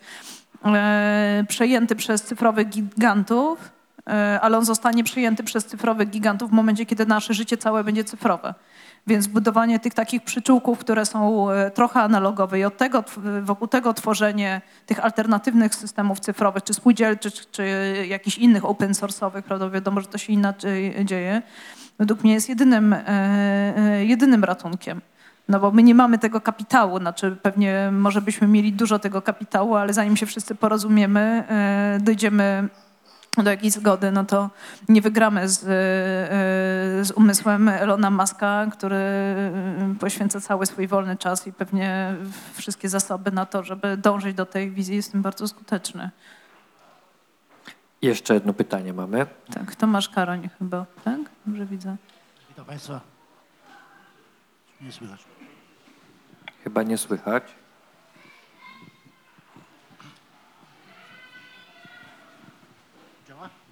Halo, dzień dobry. E, Tomasz Karoń, witam Państwa. E, Słucham Państwa z uwagą, ponieważ jest to bardzo optymistyczne, co mówicie. Ja pamiętam te czasy takie pionierskie poznawania, wchodzenia w prowincję. Umówmy się, e, to nie było tak na początku. Nie od razu tak było, że ten temat był w ogóle w centrum debaty. On się tak naprawdę pojawił. Ja pamiętam takie badanie, w którym kiedyś brałem udział przez stocznię robioną. Byliśmy na Openerze, gadaliśmy z młodymi ludźmi, ale między innymi tak samo jakaś tam grupa była w, Biskupinie. I w tym Biskupinie, słuchajcie, młoda dziewczyna kręciła film. Piękny film, taki ala Kieślowski, taki piękny film pokazujący, jak wygląda prowincja. To było, no, 10 lat temu. O prowincji się tak nie mówiło, no, Biedroń jeszcze nie był, e, tak powiem, szefem małego, ma, ma, małej miejscowości. E, prowincja była po traumie transformacji. I pamiętam ten film o Biskupinie, piękny film, któryśmy wszyscy oglądali na prezentacji i w tym filmie odezwała się jedna pani. Powiedziała, że ona tak, za taką wizję Polski nie będzie płaciła, że ona nie chce oglądać takiej Polski. To była pani z, z ambasady Norwegii, która dawała pieniądze na ten projekt. I to jest pytanie tak naprawdę bardzo ważne. Kto to mówi? Bo pytanie o kto to mówi też jest bardzo ważne. Żebyśmy w ogóle zaczęli rozmawiać, musimy wiedzieć, kto mówi i dlaczego mówi, czego nie wiemy. No bo Państwo mówicie o spółdzielczości, ale pamiętajmy my o braku zaufania, tak? Ale pamiętajmy, my tak naprawdę budujemy coś na zgliszczach. Znaczy to, to są zgliszcze tak naprawdę wypracowanej spółdzielczości w latach dwudziestych, które zostały po prostu rozbite. My tak naprawdę weszliśmy e, w, w XXI wiek no, nie, nie, nieufni w stosunku do siebie, no bo to wynikało z różnych powodów, ale generalnie rzecz biorąc, no, lata komuny rozwaliły spółdzielcze, rozwaliły tak samo zaufanie. Nie wiem, czy Państwo pamiętacie, no, powstanie na przykład ruchu chłopskiego i y, związkowego na wsi zostało po prostu celowo rozbite. Znaczy mia, miasto i wieś zostało tak naprawdę skłócona. My tak naprawdę weszliśmy w świat, żeśmy, weszliśmy w świat ten nowy skłóceni. E, I teraz pytanie, kto to mówi? Pan mówił, że Pol- Polacy chcą mieć wybór pomiędzy, e, pomiędzy y, kredytem a wynajmem. Tylko ja się pytam, kto, kto mówi o wynajmie? Czy ci, którzy mają już mieszkania, zakupili, dzisiaj dominują w mediach i mówią nam tak naprawdę, to słuchajcie, nie kupujcie na własność, tylko sobie wynajmijcie. Najlepiej wynajmijcie od nas, ale to już nie pada. Bo e, słuchajcie, no, musimy pamiętać, tą debatę, de, debatą ktoś zarządza. debat, ktoś rzuca tematy. No nie, nie na darmo Jarosław Kaczyński nie, nie robi Mieszkania Plus e, e, tak, jakbyśmy tego chcieli. On wie jedno, tego samego dnia, którym by to zrobił, wszyscy deweloperzy wypowiedzieli mu wojnę. On wie, że nawet handlarz węglem opalił Donalda Tuska i go nagrał. Więc pamiętajcie, z tym wszystkim stoją grupy interesu, wielkie grupy interesu i to nie jest, ale dosyć pesymizmu, słuchajcie. Bo myślę, że warto powiedzieć... Prosimy o pytanie. Tak, pytanie jest takie. Czy nie uważacie, że mimo wszystko, mimo tych wszystkich uwag, o których mówię, bo to są, to są problemy tak naprawdę, przed którymi stoimy, pytanie jest takie, czy żeśmy mimo wszystko dużo nie osiągnęli, bo, bo te, py- te pytania, które wy, wy zadajecie, o, to, o czym wy mówicie, to jest zupełnie już inny poziom. Inny poziom debaty tak naprawdę i pytanie, w którą stronę to pójdzie. Znaczy, czy to, co mówiła Anna, czy, ten, czy małe miejscowości jako taki, taki taki agregat zmiany. Czy to jest to, czy raczej to są pobożne życzenia i czy te, ta prowincja tak naprawdę przemówi swoim własnym gło- głosem i dlaczego to jest potrzebne? Dlaczego waszym zdaniem to jest potrzebne? To jest... E, To ja, ja nie mówię, że to jest potrzebne, ja mówię, że to jest możliwe. E, I to, co się dzieje na rynku deweloperskim, jest pewnym kontekstem. Jeżeli jest tak, że e, na prywatnym rynku najmu, tym takim instytucjonalnym, a ten taki e, skierowany do osób indywidualnych kupujących mieszkania wygląda podobnie, 90% mieszkań to są mieszkania e, dwupokojowe albo jednopokojowe, to znaczy, że kolejne pokolenia nie będą miały gdzie mieszkać ze swoimi rodzinami, tak, nie mieszkając w przyludnionym mieszkaniu. Więc e, to nie jest taka, wiesz, wizja tożsamościowa, że tutaj samorządy małe e, nagle będą walczyły z dużymi gigantami, tylko po prostu zmieniły się pewne e, warunki społeczno-ekonomiczne i pewnie to, co mówię właśnie te tak zwane trzy lata temu, to nawet dwa, i pół, dwa lata temu byłoby absurdalne, gdyby nie to, że część osób z klasy średniej, oczywiście nie wszyscy, p- pracujące w zawodach, które można wykonywać zdalnie, wie, że mieszkanie w dużym mieście e, i płacenie kosztów życia w dużym mieście, w tym kosztu rozłąki z rodziną, rodzicami, którzy mogą przypilnować dzieci e, i z, którymi, i z przyjaciółmi, z którymi można spędzać czas, nie jest tym kosztem, który trzeba koniecznie e, ponosić. I tutaj znowu do tej narracji, której wracam. I tutaj wehikułem nie jest pewien idealizm, tylko jest komfort i lenistwo.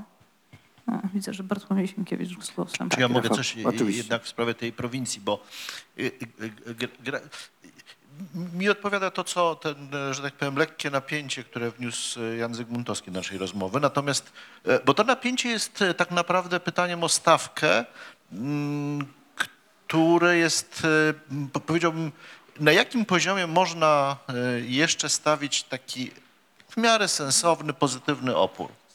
I to opór, który nie jest po prostu budowaniem kolejnych manifestacji, na które pójdziemy, nie wiem, z czerwonymi jakimikolwiek flagami i będziemy e, mówić, jak bardzo nam się nie podoba globalny kapitalizm, tylko będziemy w stanie przynajmniej w, w pewne sfery go nie wpuszczać. E, ja, ponieważ e, bardzo lubię taką tą metaforę, w którą pracuje Brodel, że kapitalizm się rozwija tam od tego XII wieku, od zaczątków i, i staje się coraz bardziej globalny i schodzi na poziom lokalny. Jak ja wiem, że obrót y, towarami spożywczymi na poziomie pr- prowincji jest już prawie całkowicie zawładnięty przez y, sieci globalne i te, ci producenci ziemniaków, y, rzeczy, które są na miejscu, tak, mają konkurenta w Biedronce z Holandii, Chin, z Czostkiem i tak dalej, no to wiemy, że, że, że coś się złego stało. Ja obserwuję w miastach takich rzędu właśnie Bielska czy, czy Nowego Sącza, jakie są obszary, gdzie jeszcze kapitał, których kapitał nie penetruje do końca. Tak? To są jeszcze na przykład re- resztki obrotu rynku nieruchomości. Bo do Krakowa, Warszawy to on sobie wchodzi, świetnie sobie radzi i, i, i, i ta mm, taka, że tak powiem, rodzima, lokalna, lokalna, nawet elita już nie ma dużo do powiedzenia. E, Więc pytanie, gdzie, gdzie, jest jeszcze, jeszcze realne, realne pole bitwy? W tym sensie, y, patrząc tak y, poza światem właśnie wartości, a skali, Joanna ma rację, y, im mniejsze miasto, im mniejsza jeszcze jest no, stopień jakby zagospodarowania go przez deweloperów, mieszkania na kredyt i tak dalej, tym lepiej. Y, Czasami enklawami w mieście mogą, enklawy w mieście mogą być w ogóle bierne i postrzegane przez nas jako, coś zupełnie neutralnego. Na przykład e, ja sobie zdałem sprawę, widząc co się dzieje z Krakowem w ciągu 10 lat, że tereny wojskowe są świetnym pomysłem na to, żeby chwilowo nie wpuścić tam deweloperów. To nie jest specjalnie sensowny sposób wykorzystania terenów miejskich, ale jakże pozytywny w dzisiejszych czasach. Tak? Także y, niech Agencja Mienia Wojskowego działa jak najmniej sprawnie i, i nie sprzedaje tego. No, spokojnie. Mam nadzieję, chociaż różnie bywa. Leśnicy pokazali, że można, więc y, y, natomiast y, i, i, i, ta, i, tu jest problem taki, że główny problem dla mnie z prowincją, że tam e, istnieje brak pewnego zasobu, który jest w dużych miastach, który wiąże się ze skalą. To znaczy ludzi, którzy mają dość wolnego czasu i niezależności, żeby być aktywistami. W małych społecznościach aktywizm jest e, no, znacznie bardziej widoczny i łatwiej mu się dobrać do skóry, jeżeli e, coś złego zrobi. A poza tym jest coś takiego, co ja bym nazwał takim, e, no właśnie neoliberalnym, ale też czasami chcianym przez ludzi kieratem. Tak? Znaczy, że oni po to ciężko pracują, żeby móc wyjechać, a nie po to, żeby się zaangażować społecznie. Znaczy, to, to ja nie po to wy- wypruwam żyły, żeby teraz po, po godzinach jeszcze zastanawiać się nad planem zagospodarowania przestrzennego miasta. Ja chcę swój kawałek tortu. Po to pracowałem. Więc tu jest ten zwrot, który jest najtrudniejszy i naj- i zaważy na losach prowincji i jak powstaną pierwsze, jak na, na, w, mia, w miastach mniejszych niż Unia Polskich Metropolii powstaną pierwsze spółdzielnie i odniosą sukces, to ja będę wiedział, że to jest początek. Jak będą odnosić sukces e, na Mokotowie i w innych miłych dzielnicach, to jednak jeszcze nie będzie. To e, część ludzi będzie uznawała z małych miast, że to jest do, dobry dowód, że tam się trzeba przenieść po prostu. Czyli dobrze zaczynamy. Bartłomiej Sienkiewicz ma pytanie. E, Tak, dziękuję. Ja mam pytanie do Janny. Janna, nie, nie obawiasz się, że e, sytuacja, w której zaczynamy żyć w świecie takich ruchów tektonicznych, gdzie e, strach o bezpieczeństwo zaczyna dominować nad wszystkimi innymi potrzebami, będzie redukował Twoją agendę. E, To znaczy, im bardziej ludzie się będą bali, na przykład wojny z Rosją, to może nie być ostatnia wojna w Europie, mm, spowoduje, że też dojdzie do pewnego rodzaju przebudowania hierarchii e, tego, co pożądane, tego, co, co chciane społecznie. E, Jestem ciekawy, jak patrzysz na swoją książkę z perspektywy ostatnich dwóch miesięcy, które wydają się trochę przebudowywać świat. A dla Państwa, którzy nie czytali tej książki, chciałbym powiedzieć mm, jedną sprawę. Otóż proszę porzucić nadzieję, że ta książka jest o deweloperce, o paru takich rzeczach, które tutaj zdominowały tę dyskusję, moim zdaniem niewłaściwie.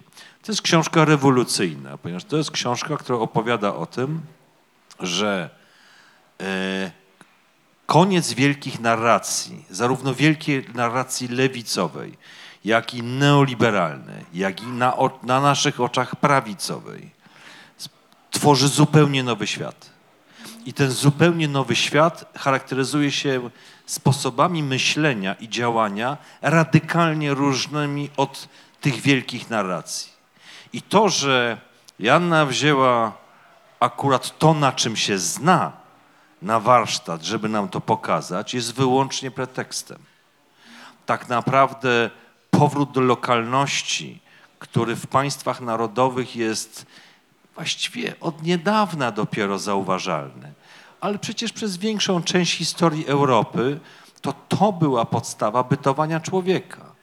Prawo do błędu, tak naprawdę sprzeciw, e, przeciwko jakimkolwiek totalistycznym projektom, całościowym, uważającym, że one mają rację.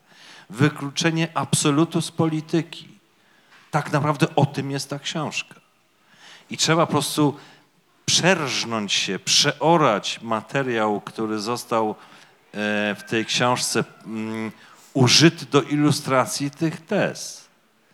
I dlatego moje pytanie, bo jeśli coś może tym zachwiać, to może zachwiać e, to, że ta podstawa piramidy Maslowa przebuduje nasze myślenie. Stąd pytanie do ciebie, Joanno. Dziękuję.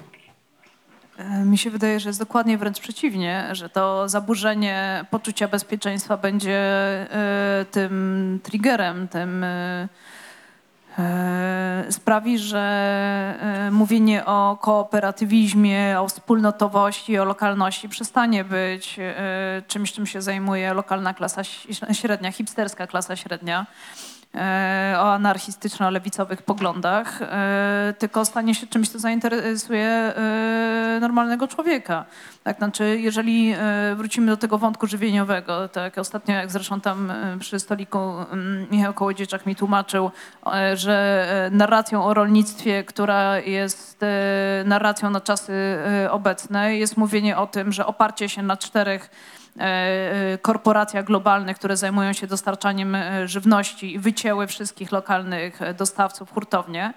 E, Nawet nie tyle, co jest nieetyczne, złe dla naszej gospodarki, bo są ziemniaki z Cypru, e, produkty z drugiego końca świata, tylko że jeżeli będzie jakiś konflikt zbrojny e, albo coś się stanie, tak, znaczy nie, nie trzeba mieć konfliktu zbrojnego, żeby tu przestała kolej jeździć, prawda, albo przestały latać samoloty, e, to będziemy mieli e, problem. Więc kwestią budowy naszego podstawowego poczucia bezpieczeństwa, czyli dostępu do żywności e, plus też dostępu do energii, jest stawianie na e, lokalne e, ekosystemy, których przynajmniej pewna część bazuje na zasobach, nad którymi mamy kontrolę, a nie ma nad nimi kontroli przykładowy Elon Musk. To zresztą widać dobrze w tym programie odbudowy Ukrainy, gdzie jest postulat, żeby 60% produktów, materiałów pochodziła z, z, rynku, z rynku lokalnego.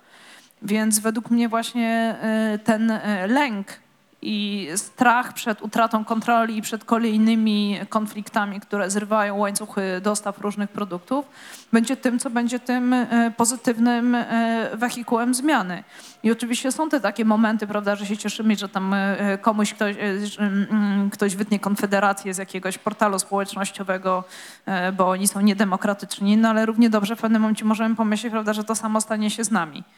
Więc e, im więcej jest tego typu e, sytuacji wokół nas, e, tym to doświadczenie, że jednak trzeba budować swoje zasoby bardzo, bardzo różne, je, przestaje być elitarną dyskusją osób z, z akademickiej lewicy, tak to nazwijmy. Tak. To ja się podłączę trochę domykając nasze spotkanie, bo czas już nas zaczyna gonić.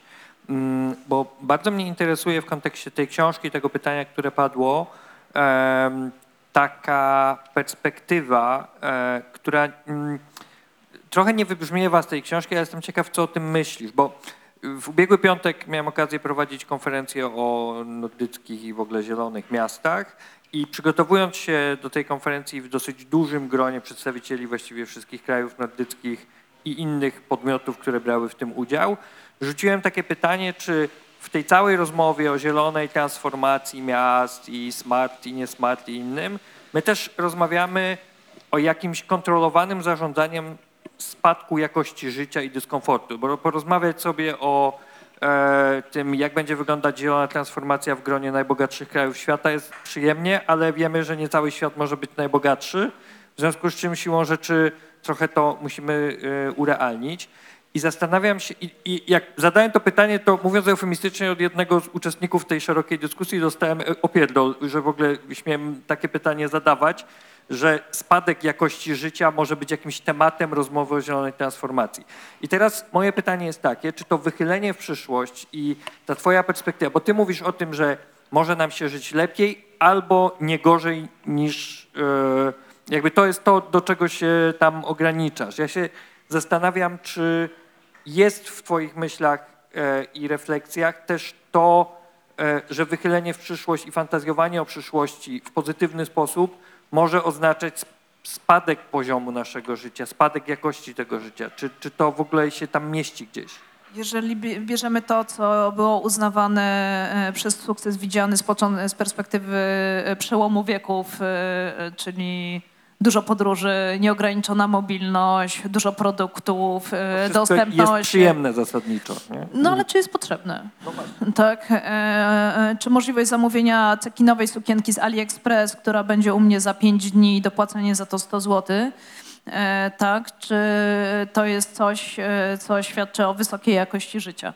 Tak? A może o wysokiej jakości życia świadczy to, że żywność, którą będziemy kupowali, będzie miała smak, e, dlatego że nie spędziła poprzedniego miesiąca e, w podróży. E, niezależnie od tego, prawda, czy to jest ekologiczne, czy nie ekologiczne, znaczy też jest kwestia obliczalności swojego losu. To, o czym nie mówimy, to jest to, że obecny model transformacji nastawiony na ten taki pęd, indywidualizm jest bardzo obciążający psychicznie. Tak, znaczy pewnie jest to dobre żniwo dla psychoterapeutów i przemysłu farmaceutycznego. E, ale tak dla nas ogólnie nie. I e, my jesteśmy w takim gronie, że ja tu chyba jestem najmłodsza e, z, z nas wszystkich, i, a jednocześnie mam takie, takie przeświadczenie, że to nie my będziemy wyznaczać te trendy. Tak, znaczy to nie nasz, o naszą e, przyszłość chodzi, a w tych takich badaniach dotyczących pokolenia Z, no, no już widać, że możliwość nieruszania się i bycia lokalnie jest wyżej e, e, mierzona niż e, wizja tego, że sukces polega na tym, że się pracuje w korporacji, żeby dwa razy do roku wyjechać na e, Himalaje albo na nurkowanie na e, Komodo. Znaczy, to się zmienia. Znaczy, my po prostu nie widzimy e, tej ciemnej strony e, tego modelu sukcesu, e, który mamy i o tym się nie mówi. Tak jak prawda, ciemną stroną własności w świecie współczesnym jest kredyt dożywotni. Już nie mówiąc o tym, i to tak jak rozmawialiśmy wielokrotnie, prawda, w różnych gronach o mieszkaniówce. Znaczy to, że teraz e, mówi się o najmie, to nie dlatego, że ludziom się nagle zmieniły preferencje, jest grupa osób, które nie chcą mieć własności, bo mają takie anarchistyczne podejście do rzeczywistości, tylko że w tej tak zwanej architekturze wyboru, czy e, wzięcie kredytu w sytuacji, kiedy nie ma się perspektywy, że w ogóle będzie miało się stałą pracę na 30 lat, prawda, bo rzeczywistość jest zupełnie inna, staje się zupełnie absurdalne. Więc e, też musimy widzieć, że te takie modele życia e, są różne. Tak? Ja mam pewnie inny model już życia niż osoby, które urodziły się dekadę e, e, przede mną. Nie muszę robić pewnych rzeczy. Na przykład to, że ja tylko przez chwilę byłam w ruchu feministycznym i, nie i mogłam się przenieść do, e, na ruchy miejskie, wynika z tego, że pokolenie Sylwii po prostu przewalczyło pewne rzeczy. E, więc mogliśmy pójść dalej. Teraz ja nie wiem, jaki będzie ten kolejny krok, bo e, też pewnych rzeczy, mm, pewnych rzeczy nie widzę. Proszę Państwa, e, jeszcze jest dużo pytań, tak? Dobrze, to jeszcze jedno w takim razie. To proszę tam. A, tu pani jest z A, no. mikro... e, To, to dwa w takim razie, dobrze. E, Okej, dzięki. Em, ja no miałam nadzieję właśnie jakiś, na jakiś taki pozytywny wątek też na koniec e, i pytanie, które w, dla wspomnianej generacji Z wydaje mi się bardzo ważne, Em, bo jak e, zaczął Philip Springer to spotkanie od tego pytania o jakieś takie blokady w wyobrażaniu sobie e, tej przyszłości wychylania w przyszłość, to sobie pomyślałam, że Mam wrażenie, e, że większość ludzi ma największą te bariery w wyobrażeniu sobie jakiejś innej natury człowieka. E, Przede wszystkim jeśli chodzi o jakieś takie odbudowanie właśnie zaufania, że nie wyobrażamy sobie tej lepszej, odbudowanej tkanki, bo nie potrafimy sobie wyobrazić człowieka w innej wizji niż ta konserwatywna czy liberalna, egoistycznego i tak dalej. E, No i tam już pan wspomniał, że, że faktycznie jakby w Polsce trochę budujemy na zgliszczach e, jakiegoś takiego zaufania społecznego i że to jest w jakiś sposób nie pesymistyczne, tylko trochę jednak adekwatne, że mamy ten niski kapitał społeczny. E, No i chciałam się zapytać, czy e,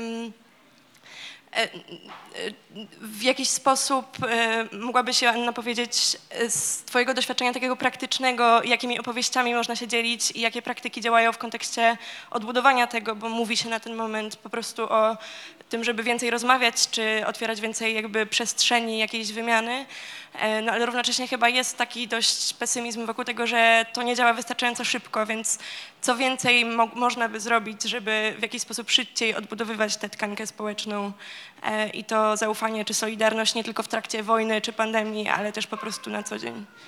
Znaczy mi wydaje się, wydaje się, że to są dwie kwestie. Pierwsza to jest skupiać się na konkrecie, a po drugie, że zakładać, że jesteśmy różni i nie musimy się ze sobą zgadzać. Dlatego, że ja bardzo e, chętnie mówię o tej lokalności, bo jeżeli bierzemy pewne terytorium i nie mieszkamy w miasteczku Wilanów, e, to e, domyślnie jest tak, że mieszkają koło nas osoby, które są w różnym wieku, o różnym statusie ekonomicznym, więc nie podzielamy tych samych historii, a pozbycie się tego złudzenia, że wszystko będzie ok dopiero jak e, przekonam innych do swojego zdania i e, będziemy tacy sami, e, jest pierwszym krokiem do katastrofy, więc e, jak się pozbędziemy tego złudzenia, to już e, jest szansa na to, że coś zrobimy. E, I to, że jedna skutecznie przeprowadzona akcja nie musi się przerodzić e, w żaden ruch społeczny czy w żadną konkretną inną akcję, e, bo może trzeba po prostu szukać innych osób, które może in, przy innym wydarzeniu będą miały wiem, inne potencjały czy inne poglądy. I tam jeszcze ostatnie pytanie było. Tak, dzień dobry. Ja nazywam się Agata Czarnacka, chyba jestem trochę bardziej feministką, bo jakoś nie zauważyłam, e, żeby ruch feministyczny załatwił aż tyle problemów, żeby można było przestać być feministyczną aktywistką. E, Ale rozumiem, że mówisz o e, nieodżałowanej fundacji Mama i to rzeczywiście rozumiem to, tę logikę przejścia do ruchów miejskich. E, To rzeczywiście było bardzo ważne i bardzo, bardzo ciekawy etap. Czasami jednak myślę, że dobrze by było wrócić do tych, te, tych tematów również z takiej perspektywy lokalnej. E, Niemniej jednak moje pytanie jest troszeczkę inne. Właściwie nie wiem, czy to jest pytanie, bo już kończymy i tu był taki e, głos e, proszący o to, żeby było pozytywnie i w ogóle ja oczywiście nie mam pozytywnych żadnych uwag, e, ponieważ jeszcze nie czytałam książki i być może ona, ona rozwieje moje wszystkie wątpliwości, ale chciałam oczywiście zgłosić głos feministyczny odrębny, a mianowicie zapytać, dobrze, lokalność super, ale wiemy, że ludzie uciekają do wyjeżdżają do wiel- wielkich miast e, z powodów dwóch. e, Przede wszystkim, po pierwsze dlatego, że nie ma żadnej szansy e, w ich mie- mieście pochodzenia. Wiele osób, no niestety mniejsze miasta są trochę bardziej zabeto- zabetonowane, jeżeli chodzi o nierówności społeczne. Awans jest możliwy przy migracji. A drugi, jeszcze bardziej bolesny, aha, i, i od razu powiem, że to dotyczy przede wszystkim kobiet. I jedno, i drugie, tak? Ponieważ e, drugi powód migracji jest taki, że po prostu, e, o czym już rozmawialiśmy, e, pan Matyja mówił, że nie można być aktywistą w małym mieście. Ja bym powiedziała, że nie można być bardzo często sobą w małym mieście. Chociażby dlatego, że jest to na przykład kwestia skali, to znaczy trudność ze znalezieniem partnera, który nie jest heteronormatywny, ale to jest przede wszystkim też ucieczka przed przemocą, e, która nas wszystkich e, może od czasu do czasu e, dotknąć, czy to jako, nie wiem, osobę LGBT, czy to jako osobę bardziej kolorową, dopóki ta osoba nie wrośnie w społeczność, bo ja rozumiem, że takie przypadki też są. Ale dla młodzieży, jak wiemy, e, która jeszcze nie wyrosła w społeczność, ta presja czy prasa wręcz normatywności jest dramatyczna i bardzo często stąd właśnie ucieczka do większego miasta, jak największej metropolii, która jest dostępna. E, Więc to są takie e, czynniki pozaekonomiczne, ale w gruncie rzeczy niesłychanie demokratyczne. E, I mogę tylko wyrazić nadzieję, że w książce znajduje się jakaś odpowiedź na to. Jeżeli nie, to że będziemy nad tym pracować razem. Dziękuję. Znaczy w książce nie ma odpowiedzi na to pytanie, bo e, ona nie jest o tym, ale e, to jak ja widzę, znaczy to nie jest tak, że ludzie będą się rodzili w swoich wioskach i e, mieszkali w nich do śmierci, tylko raczej to, o czym mówię, to jest o pewnej e, e, formie powrotu e, w, w momencie, kiedy ktoś chce założyć rodzinę i z powrotem się osadzić. Znaczy nie, nie trzeba wracać do swojego własnego, e, e, e, e, własnego miasta. E, I to nie jest taki, wiesz, ja nie rysuję projektu, który jest utopijny, bo sobie wymyśliłam, że te małe wspólnoty są fajne, tylko po prostu widzę, że te duże miasta są strasznie opresyjne również ze względów ekonomicznych. E, I to, jeżeli ktoś mieszka na osiedlu, na którym nie ma żadnej infrastruktury społecznej e, i nie ma nikogo z rodziny, kto pomoże, no to e, bardzo trudno też wrócić na rynek pracy w momencie, kiedy opiekunka kosztuje tyle, ile pensja, czyli pracuje się wyłącznie po to, żeby pozostać na rynku pracy. Czyli są to pewne wybory, które ten koszt życia w metropolii na pewnym etapie życia e, staje się zupełnie bezsensowny. Stąd ta wizja po prostu powrotu do e, małych miast na po pewnym etapie, a nie tyle zostawania, e, zostawania w nich. jedno zdanie dosłownie. Są jeszcze średnie miasta na szczęście, które nie są tak obciążające ekonomicznie jak metropolia, a można się w nich schować. Ja za to cenię też takie miasta jak Bielsko czy Nowy Sącz, e, bo, bo to jest naprawdę ważne. Znaczy niektórzy ludzie nie chcą mieszkać w małym mieście z różnych powodów. Pani o części powiedziała, ja myślę, że jest ich więcej i trzeba to, trzeba znaleźć gdzieś miejsce. Problem jest taki, że polskie państwo w ogóle tego nie widzi. To znaczy tej, tej wielkiej szansy, jaką są miasta około 100 tysięcy. Ja tylko dodam jeszcze a propos małych miast i wsi. Moje doświadczenie z bycia w Radzie Funduszu Feministycznego e, i Radzie Funduszu imienia Olgi Rok, który wspiera bibliotekarki w całej Polsce. y, Co rok czytam bardzo dużo różnego rodzaju zgłoszeń z bardzo małych ośrodków często i y, widzę aktywność kobiet. Y, Ona często jest niebywała, bo czasami koło gospodyń wiejskich jest od grupy wsparcia przez y, Dom Kultury po grupę samoedukującą. Mogłabym pewnie tak wymieniać jeszcze te tożsamości.